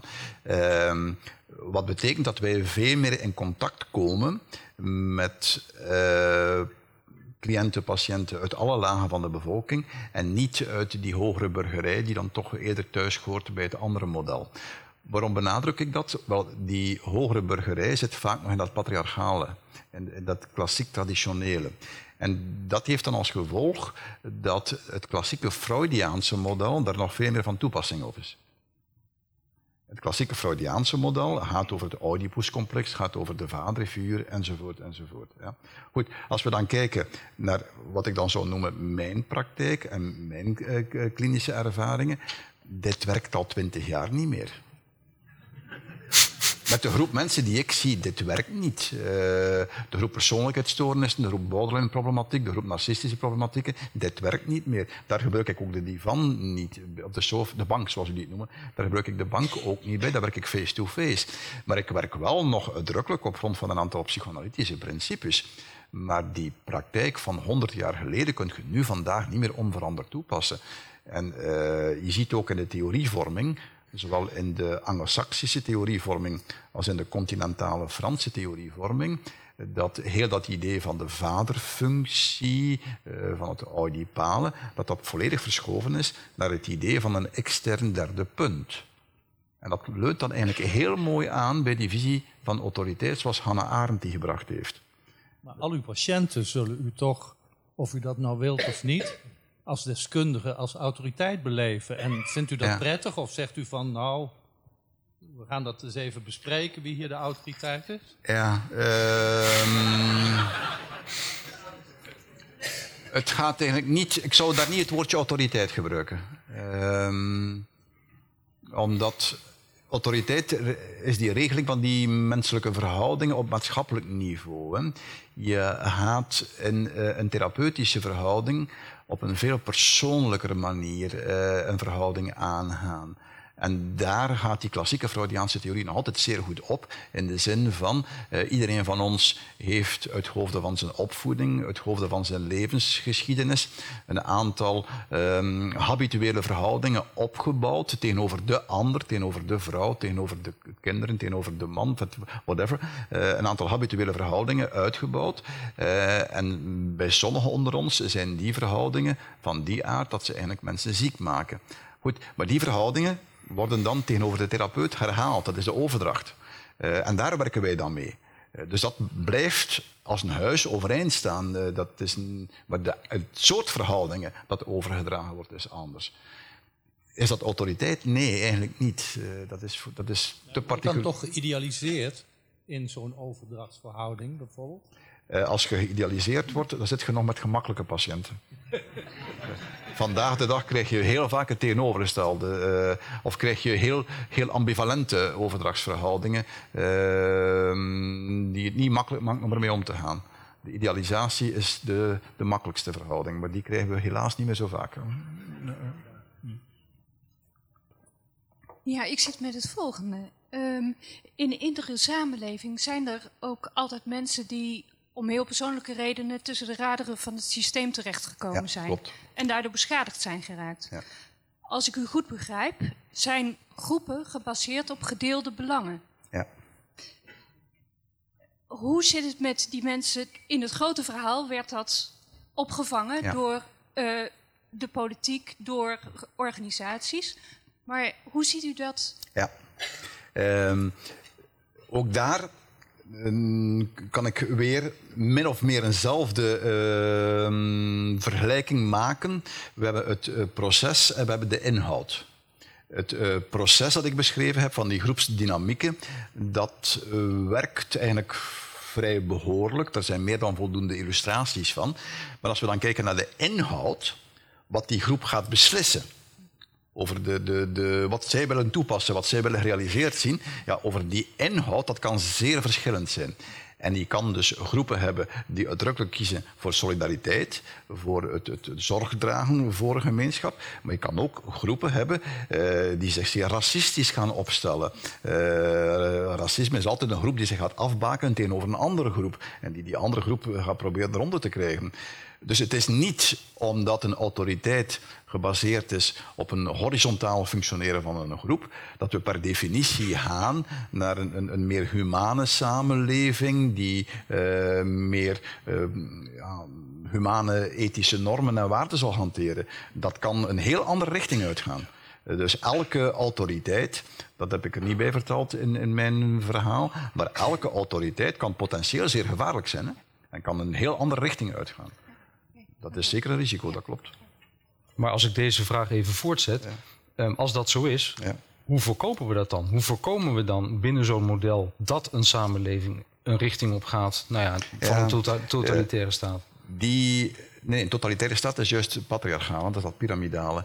Uh, maar goed, een, samenleving die totalitaire trekken heeft en waar mensen die, er definitief buiten kunnen vallen. Hoe, hoe voorkom je dat dan? dat weet ik eigenlijk niet. Uh, ik denk dat die, dat is natuurlijk een cruciale vraag. Uh, maar die vraag, denk ik, moeten we bij elke vorm van autoriteit stellen. Als we even terug naar de geschiedenis kijken, die, die uh, piramidale, patriarchale vorm van autoriteit, ja, die die vorm heeft duidelijk uh, veel brokken gemaakt mm -hmm. en is duidelijk op een aantal, een aantal perioden, op een aantal plaatsen zeer negatief geweest. Maar er zijn ook positieve invullingen geweest. Het is niet per definitie zo dat die patriarchale autoriteit alleen maar slecht was. Dus ik denk dat autoriteit op zich niet goed of niet slecht is. Uh, en ja, hoe we het dan kunnen invullen op een manier dat wij er kunnen achterstaan, dat is een uh, geen eenvoudige vraag om te beantwoorden. Uh, het horizontale model, denk ik, leunt het dichtst aan bij een hedendaagse invulling van democratie. Uh, en dat geeft dan misschien enige vorm van garantie. Maar ja, autoriteit is in C niet goed of niet slecht. Uh, volgens Hannah Arendt is ze wel noodzakelijk. En ik ben daarmee akkoord. Mm -hmm. Ik vind ook dat ze noodzakelijk is. Anders wordt het macht. Maar autoriteit ja, kan ook gebaseerd zijn op de verkeerde externe gronden. Dus dat is inderdaad iets wat niet in het plaatje nee, inbegrepen nee. is. Nee. Daar moeten we mee leven dan. Ik denk dat we ons daar heel sterk van bewust moeten zijn. Om te zien, om, om op tijd, zeker binnen dit model, om op tijd proberen in te grijpen. Uh, nu, de grote moeilijkheid vandaag is niet zozeer de invulling van de autoriteit, maar de verleiding naar macht, want daar worden we mee geconfronteerd. En dat is volop bezig. Zit je dan toch niet in het maken van protocollen of om zoiets te voorkomen? Of... Kijk, u hebt een hele negatieve ja. blik daar, daarop. Ja, ik heb een hele negatieve blik daarop, dat klopt. Ik, ja. ik ben daar ook wel sympathiek. Ik sta daar ook sympathiek tegenover. Maar het kan misschien ook bepaalde garanties bieden. Op bepaalde... Goh, het, uh, natuurlijk ja, we moeten opletten dat we het uh, over hetzelfde hebben. Hè. Uh, als ik, ik heb een heel negatieve blik op protocollen als we onder protocollen begrijpen uh, dat er een soort command and control mm -hmm. uh, model gemaakt wordt, uh, dat onveranderd moet toegepast worden en waarbij er eigenlijk geen contextuele veranderingen kunnen doorgevoerd worden. En dat is helaas de manier waarop het vandaag de dag vaak functioneert. Ja, ja. En dan ben ik er radicaal tegen, omdat ik ervan overtuigd ben dat dit afbreuk doet aan de particulariteit, aan de eigenheid van, van de problemen die zich op dat ogenblik voordoen. Uh, en ja, dat heeft ook te maken met iets wat we nog niet genoemd hebben, maar dat ontzettend belangrijk is vandaag. Dat is het digitale natuurlijk. Hè. Vooral duidelijkheid, ik ben 200% voorstander van het digitale, uh, van de digitalisering. Maar dat mag ons niet beletten van te zien dat er daar ook een aantal moeilijkheden aan gekoppeld zijn.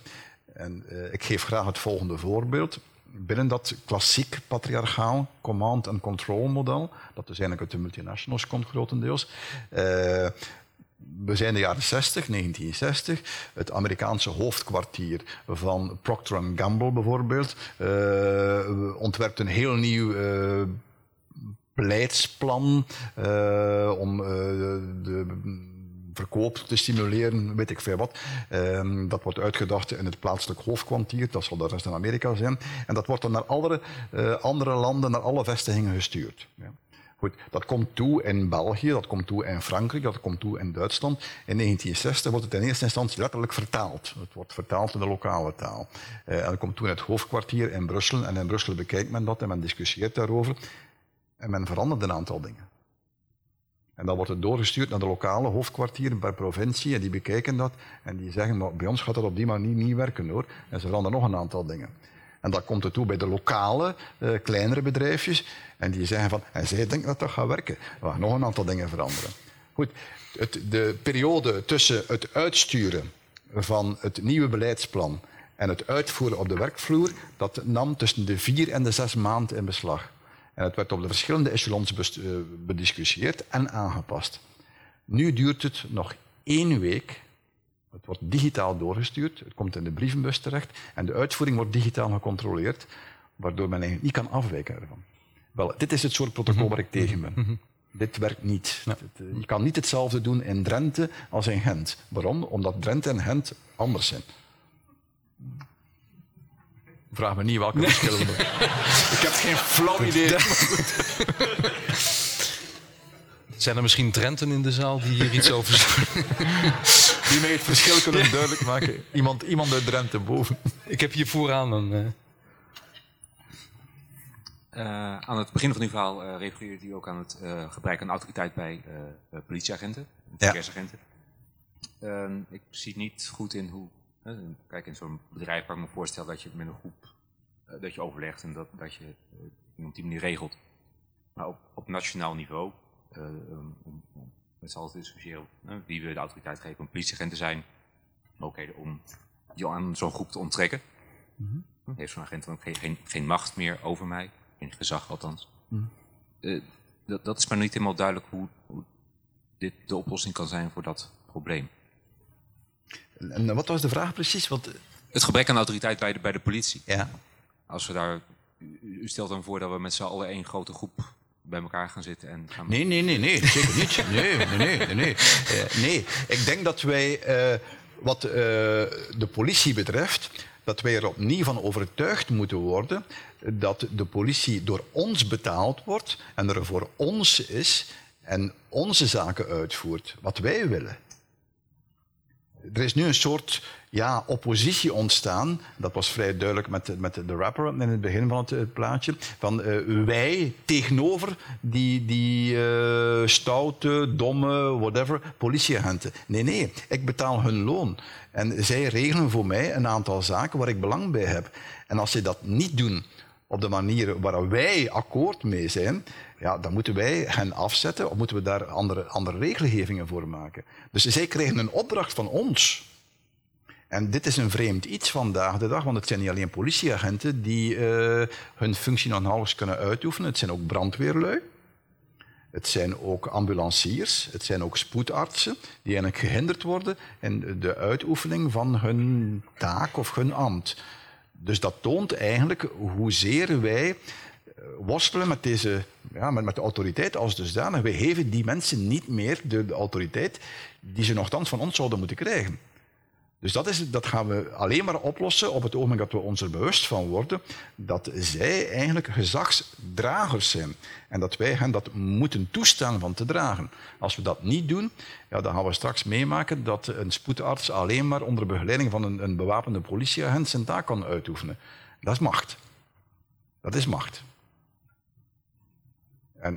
Dat is, dat is die keuze waar ik het over had. Op het einde van mijn verhaal gaan we die richting uit. In Antwerpen op de Meer, ik weet dat de Nederlanders heel graag naar Antwerpen gaan. In Antwerpen op de Meer lopen er nu al uh, paracommando's met UZI's. Hè? Dit is niet echt geruststellend. Dit is macht. Ik, ik, wil u graag bedanken voor uw mooie verhaal en uw mooie boeken. En ik denk dat u een heel goed punt maakt door dit uh, nieuwe autoriteitssysteem voor te stellen.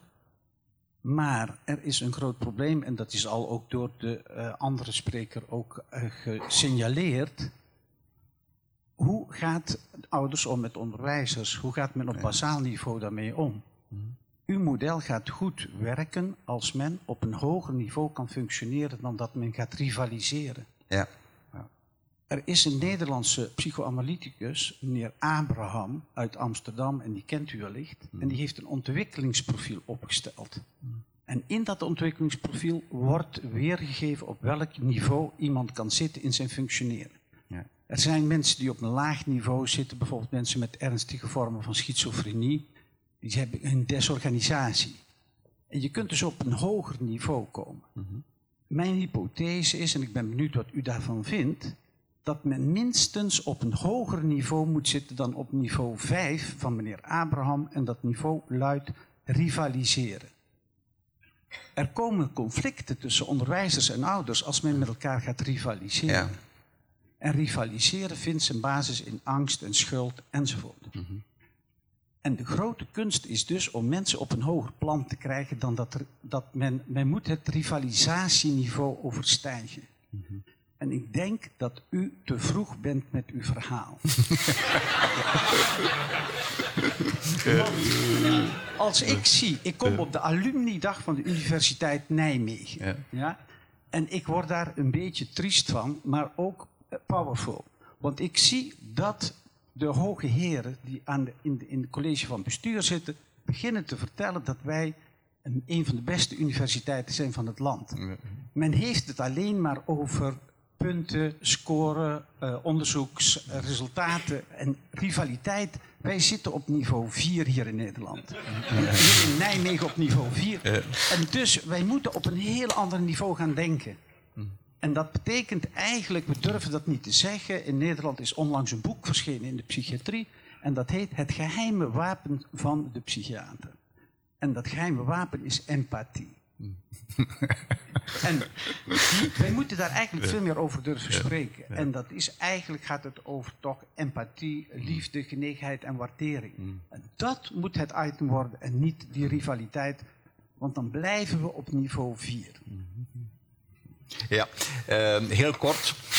Um, ja, want bedoel, dit is eigenlijk dit is een ander boek. Dit is een boek Identiteit, uh, waar ik onze huidige maatschappij beschrijf als een maatschappij die inderdaad alleen maar dat hypercompetitieve installeert ten koste van de ander, eh, op grond waarvan dat dan de normale sociale verbanden doorbroken worden enzovoort. Maar goed, eh, weer even naar dat proces, maar dan op een andere invalshoek, eh, zowel vanuit de psychoanalyse als vanuit de hedendaagse ontwikkelingspsychologie, als vanuit de hedendaagse eh, biologische studies over het gedrag van dieren, van zoogdieren, weten we eigenlijk dat er in ons twee, uh, ik zou het geen niveaus noemen, dat er twee gedragsclusters ingebakken liggen. En dat is een gedragscluster die inderdaad competitief is. We zijn zeer competitieve wezens en dat geldt eigenlijk merkwaardig genoeg voor alle sociale zoogdieren, dat dat competitieve daar heel sterk in zit.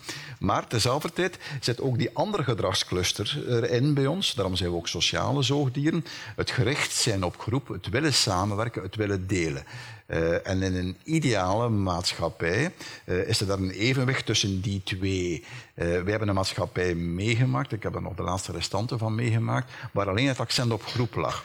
Alleen het accent op verplichte conventionaliteit, op verplichte solidariteit, rechts tot midden van de jaren 60. We zitten bij het andere extreem. Alleen maar verplichte rivaliteit, alleen maar verplichte uh, egocentrisme enzovoort enzovoort. Beide zijn niet interessant. Uh, dit is doorgeschoten en dit heeft alles te maken met autoriteit natuurlijk ook. Hè. Dat, dat is er niet los van te zien. En ik zou niet zozeer zeggen dat we het moeten overstijgen, dat we naar een ander niveau moeten. We moeten daar weer een evenwicht tussen krijgen. Uh, het competitieve gaat er niet uitgaan, dat zit in, ons, in onze aard. Maar het solidaire, het groepsgerichte, zit ook in ons. En een van de redenen waarom er zoveel mensen ziek zijn vandaag de dag, is omdat dat aspect weggenomen wordt. Uh, het, het, affect, het effect van dat hypercompetitieve is eenzaamheid. Hè?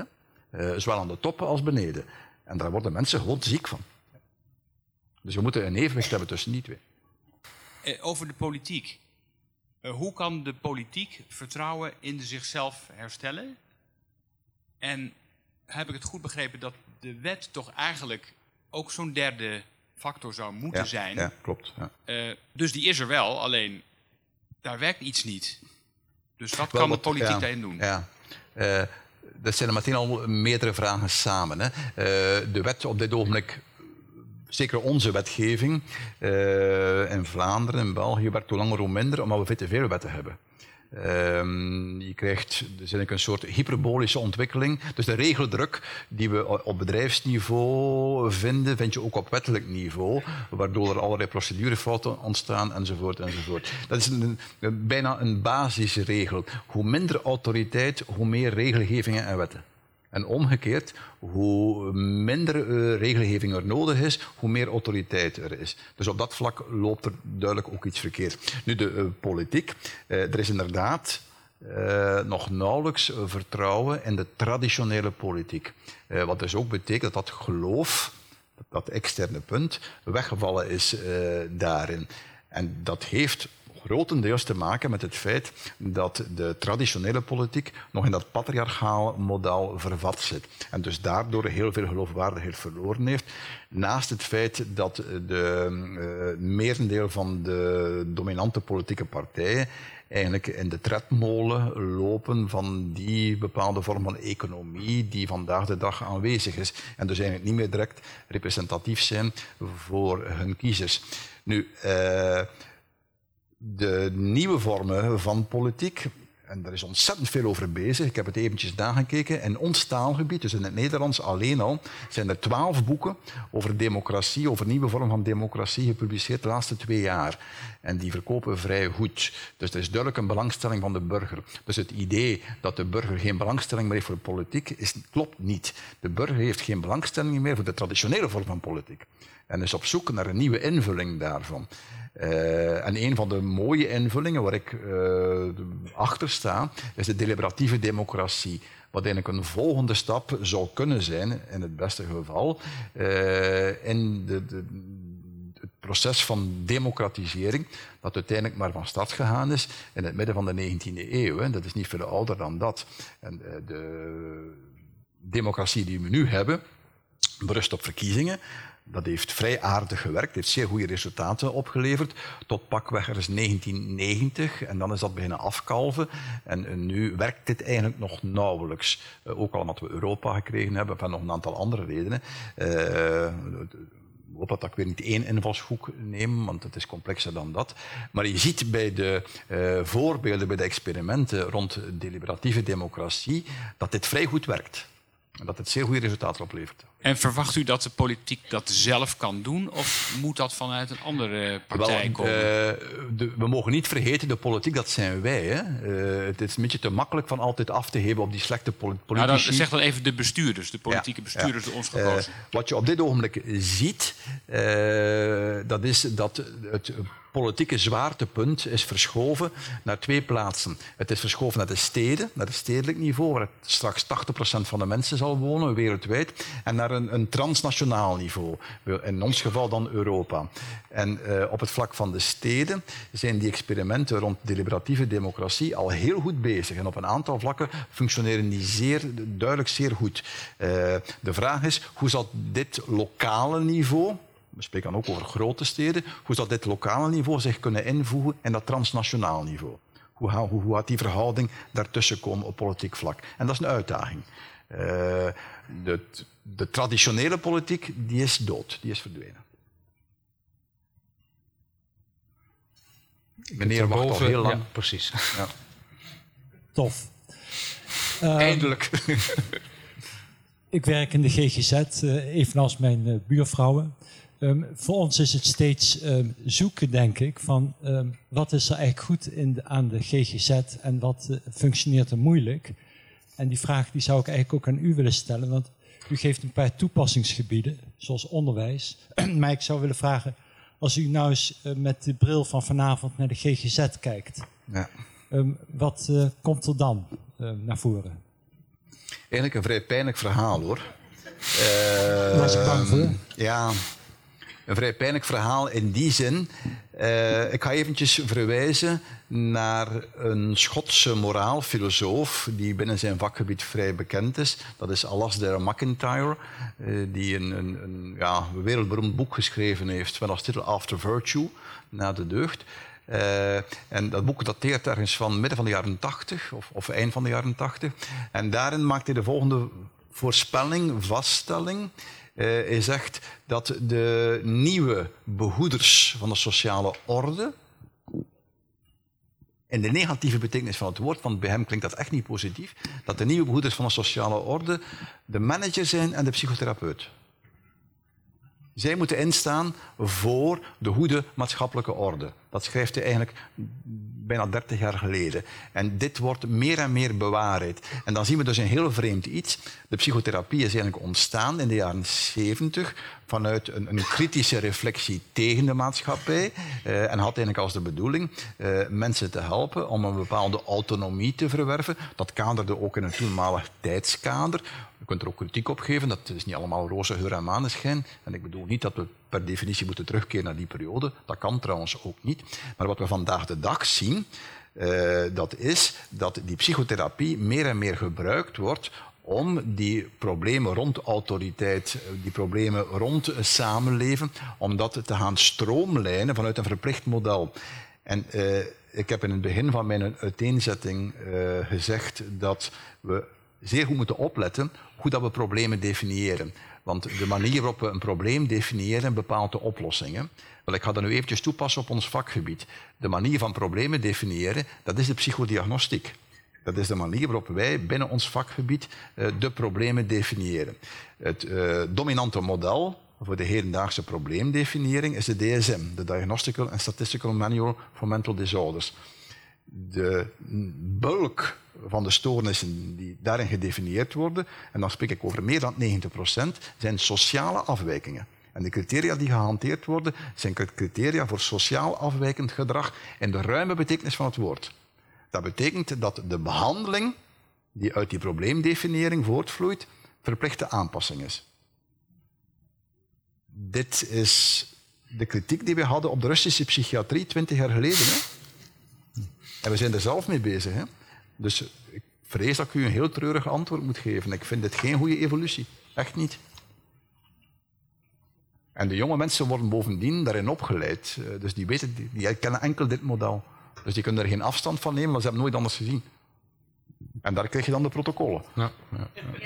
ja daar krijg je dan de protocollen. Nee, dat... Ziet u dan, um, denkt u dat uh, een, een, contextuele psychologie mogelijk is? Ah, ja, nog, ja, dat, is, dat is een andere vraag. Okay. Denkt u dat er iets als een contextuele psychologie mogelijk is? Waarbij, uh... Ik denk dat we daar naartoe moeten. Ik denk dat we een contextuele uh, diagnostiek en psychotherapie nodig hebben. Uh, want dat is, het, uh, dat is het bedje waarin dat die diagnostiek ziek is. Een stoornis wordt alleen maar bekeken ter hoogte van het individu, los van de sociale context. Uh, dat wordt wel een beetje lippendienst bewezen aan het biopsychosociale model, maar in feite is een stoornis bij het individu en wordt het daar, daartoe gereduceerd en daar behandeld. Dus we hebben dat zeker nodig. Mevrouw, daar. Wat mijn uh, vraag was, ligt meer op het gebied van organisaties. Als je daar gaat kijken dan in het uh, collectief van de groep, is daar nabijheid van belang? Ja, uh, dat zie je bij. Ik heb een, een aantal van die uh, organisaties uh, bestudeerd. er is heel veel over gepubliceerd. Niet alles wat ik gelezen heb, heb ik in een boek kunnen brengen. Maar een van de zaken die systematisch terugkeert, is dat één, digitaal contact volstaat niet. Digitaal contact is natuurlijk uitermate belangrijk, maar het mag niet tot gevolg hebben dat mensen elkaar niet meer zien. En ten tweede, de groepen mogen maar een bepaalde omvang hebben. Ze te groot worden, werkt het niet meer. Het maximum is 150. 150. Ideaal is rond het 60. Rond het 60. En die groepen kunnen vrij goed functioneren. Dan denk je in de vorm van uh, nabijheid is dus um, op het moment dat er zeg maar, naar die regels gehandeld dient te worden of besluiten genomen dient, dient daar iedereen aanwezig te zijn. Is dat um, ook het in die, die. Ja, wat je, wat je eigenlijk ziet bij, uh, en dan ga ik weer het voorbeeld van Semco nemen, omdat dat zo'n reusachtig bedrijf uh, is. Die hebben iets van 6000 of 7000 werknemers en die functioneren dus in groepen van uh, 150. die hebben maar drie niveaus. Ze waren oorspronkelijk vertrokken bij 12 managementniveaus. Ze hebben nog drie niveaus. En die drie niveaus kun je eigenlijk beschouwen, niet meer binnen die piramidale structuur, maar als onderling vervrochte cirkels die op die manier met elkaar in contact komen. Maar het belangrijkste contact en het belangrijkste overleg gebeurt op de werkvloer. Ook als die werkvloer een kantoor is. Dus er zijn veel minder formele vergaderingen. Uh, en als er iets moet gewijzigd worden, dan wordt de groep inderdaad samengeroepen. Maar vaak is dat niet nodig, want het wijzigt zich bij wijze van spreken organisch. Ja, mooi, dank u wel. Ik heb daar achter een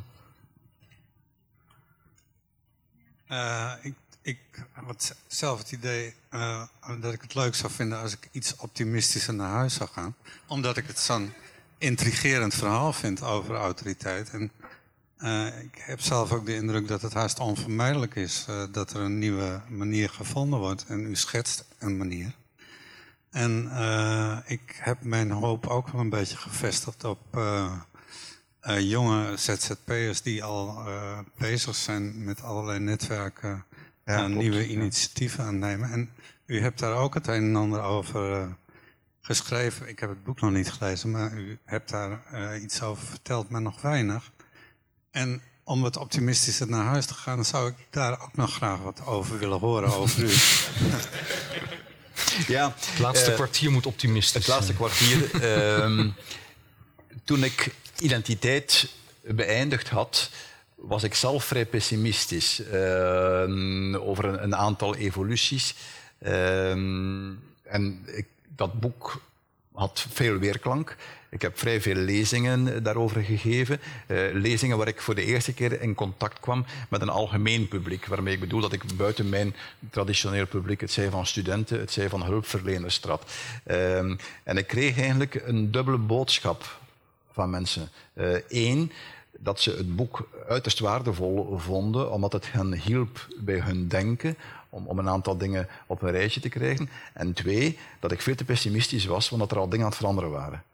En ik kreeg overal voorbeelden te horen van uh, groepen die eigenlijk op hun eentje bezig waren. En als ik zeg op hun eentje, daarmee bedoel ik buiten de traditionele zuilen. Die niet meer aangesloten waren bij uh, deze of gene beweging, deze of gene religie of weet ik veel wat. Maar die op hun eentje bezig waren om een aantal dingen te veranderen in hun omgeving. En uh, dat ging van vrij kleine initiatieven tot vrij omvangrijke initiatieven.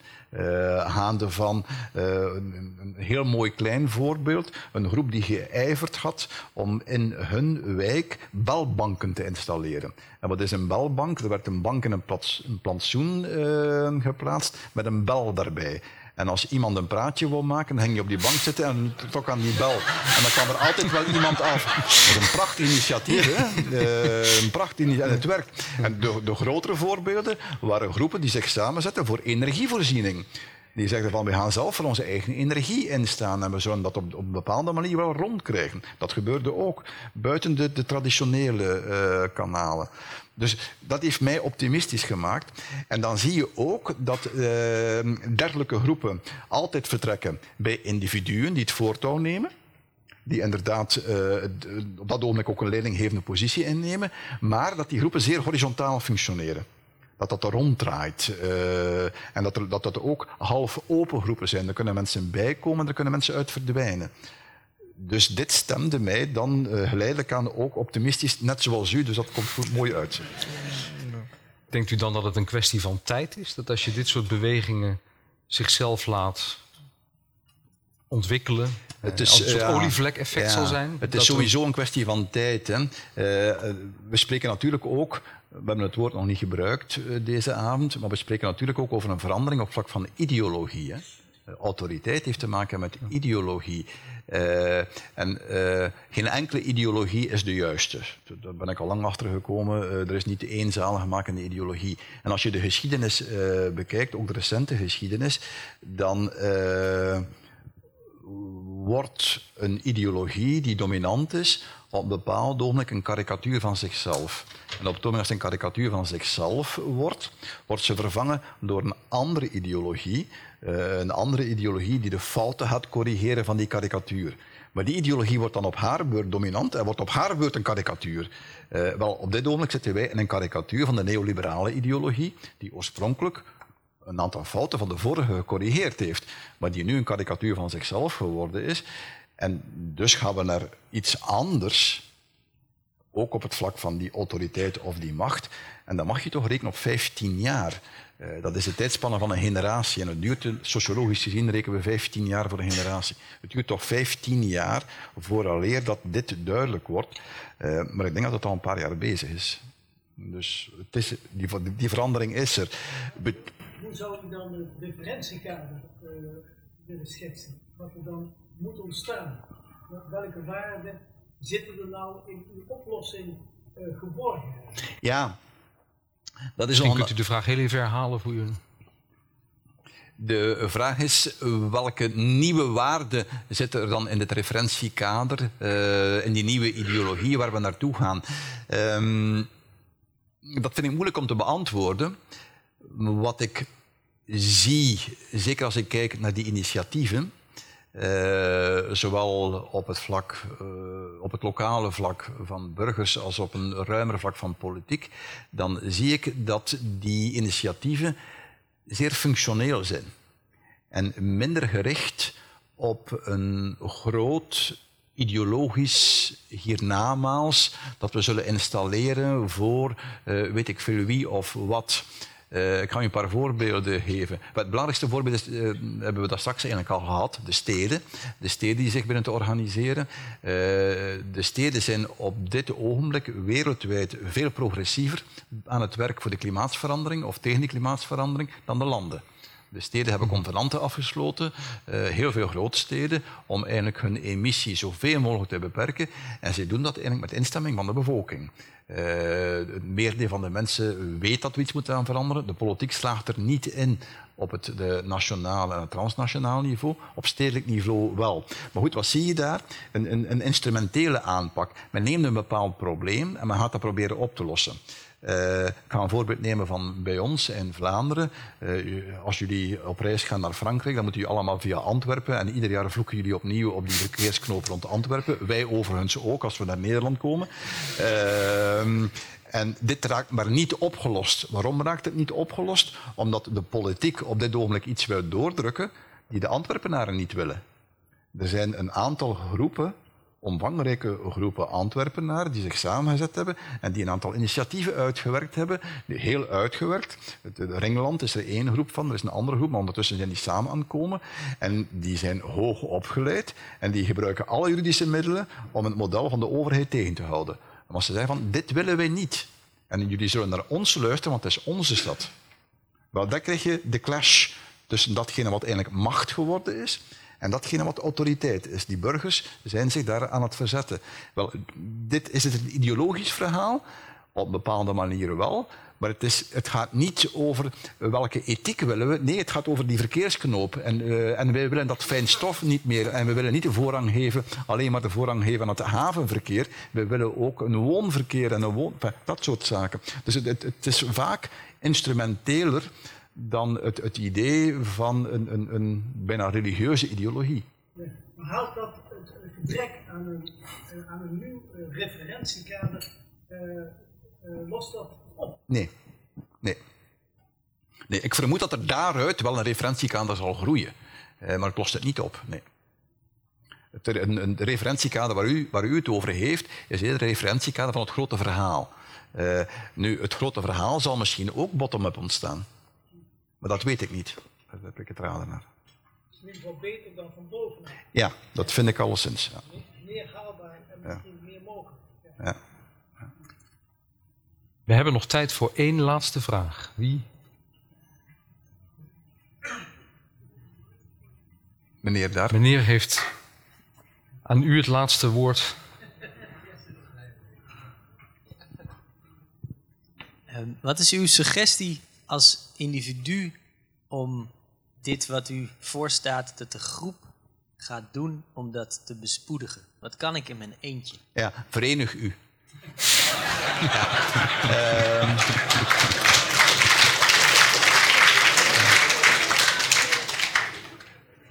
het, uh, de huidige ideologie heeft ons wijsgemaakt dat wij allemaal individuen zijn. Individuen die als klant door het leven willen gaan, de, de rationele speler. Uh, tot op zekere hoogte zijn we dat misschien ook wel. Maar als we het hebben over autoriteit, als we het hebben over de gemeenschap, dan kunnen we alleen maar iets veranderen in groep. En je hebt een groep vanaf drie mensen. Dus dat is het antwoord. Ja. Dankjewel. Ja. Voilà, Dan heb ik een heel goed nieuws voor u. Het uh, Cultuurcafé uh, is open tot 11 uur vanavond. Dus u hebt de gelegenheid om zich met ongeveer 300 mensen te verenigen. um, en een begin te maken met wat uh, Paul Verhagen ons vanavond heeft voorgeschoteld. Ik wil u namens Radboud Reflects heel erg bedanken voor het geven van deze Radboud Lecture. En ik hoop van harte dat wat u in uw boek beschrijft werkelijkheid zal worden. Ik ook. Dank u.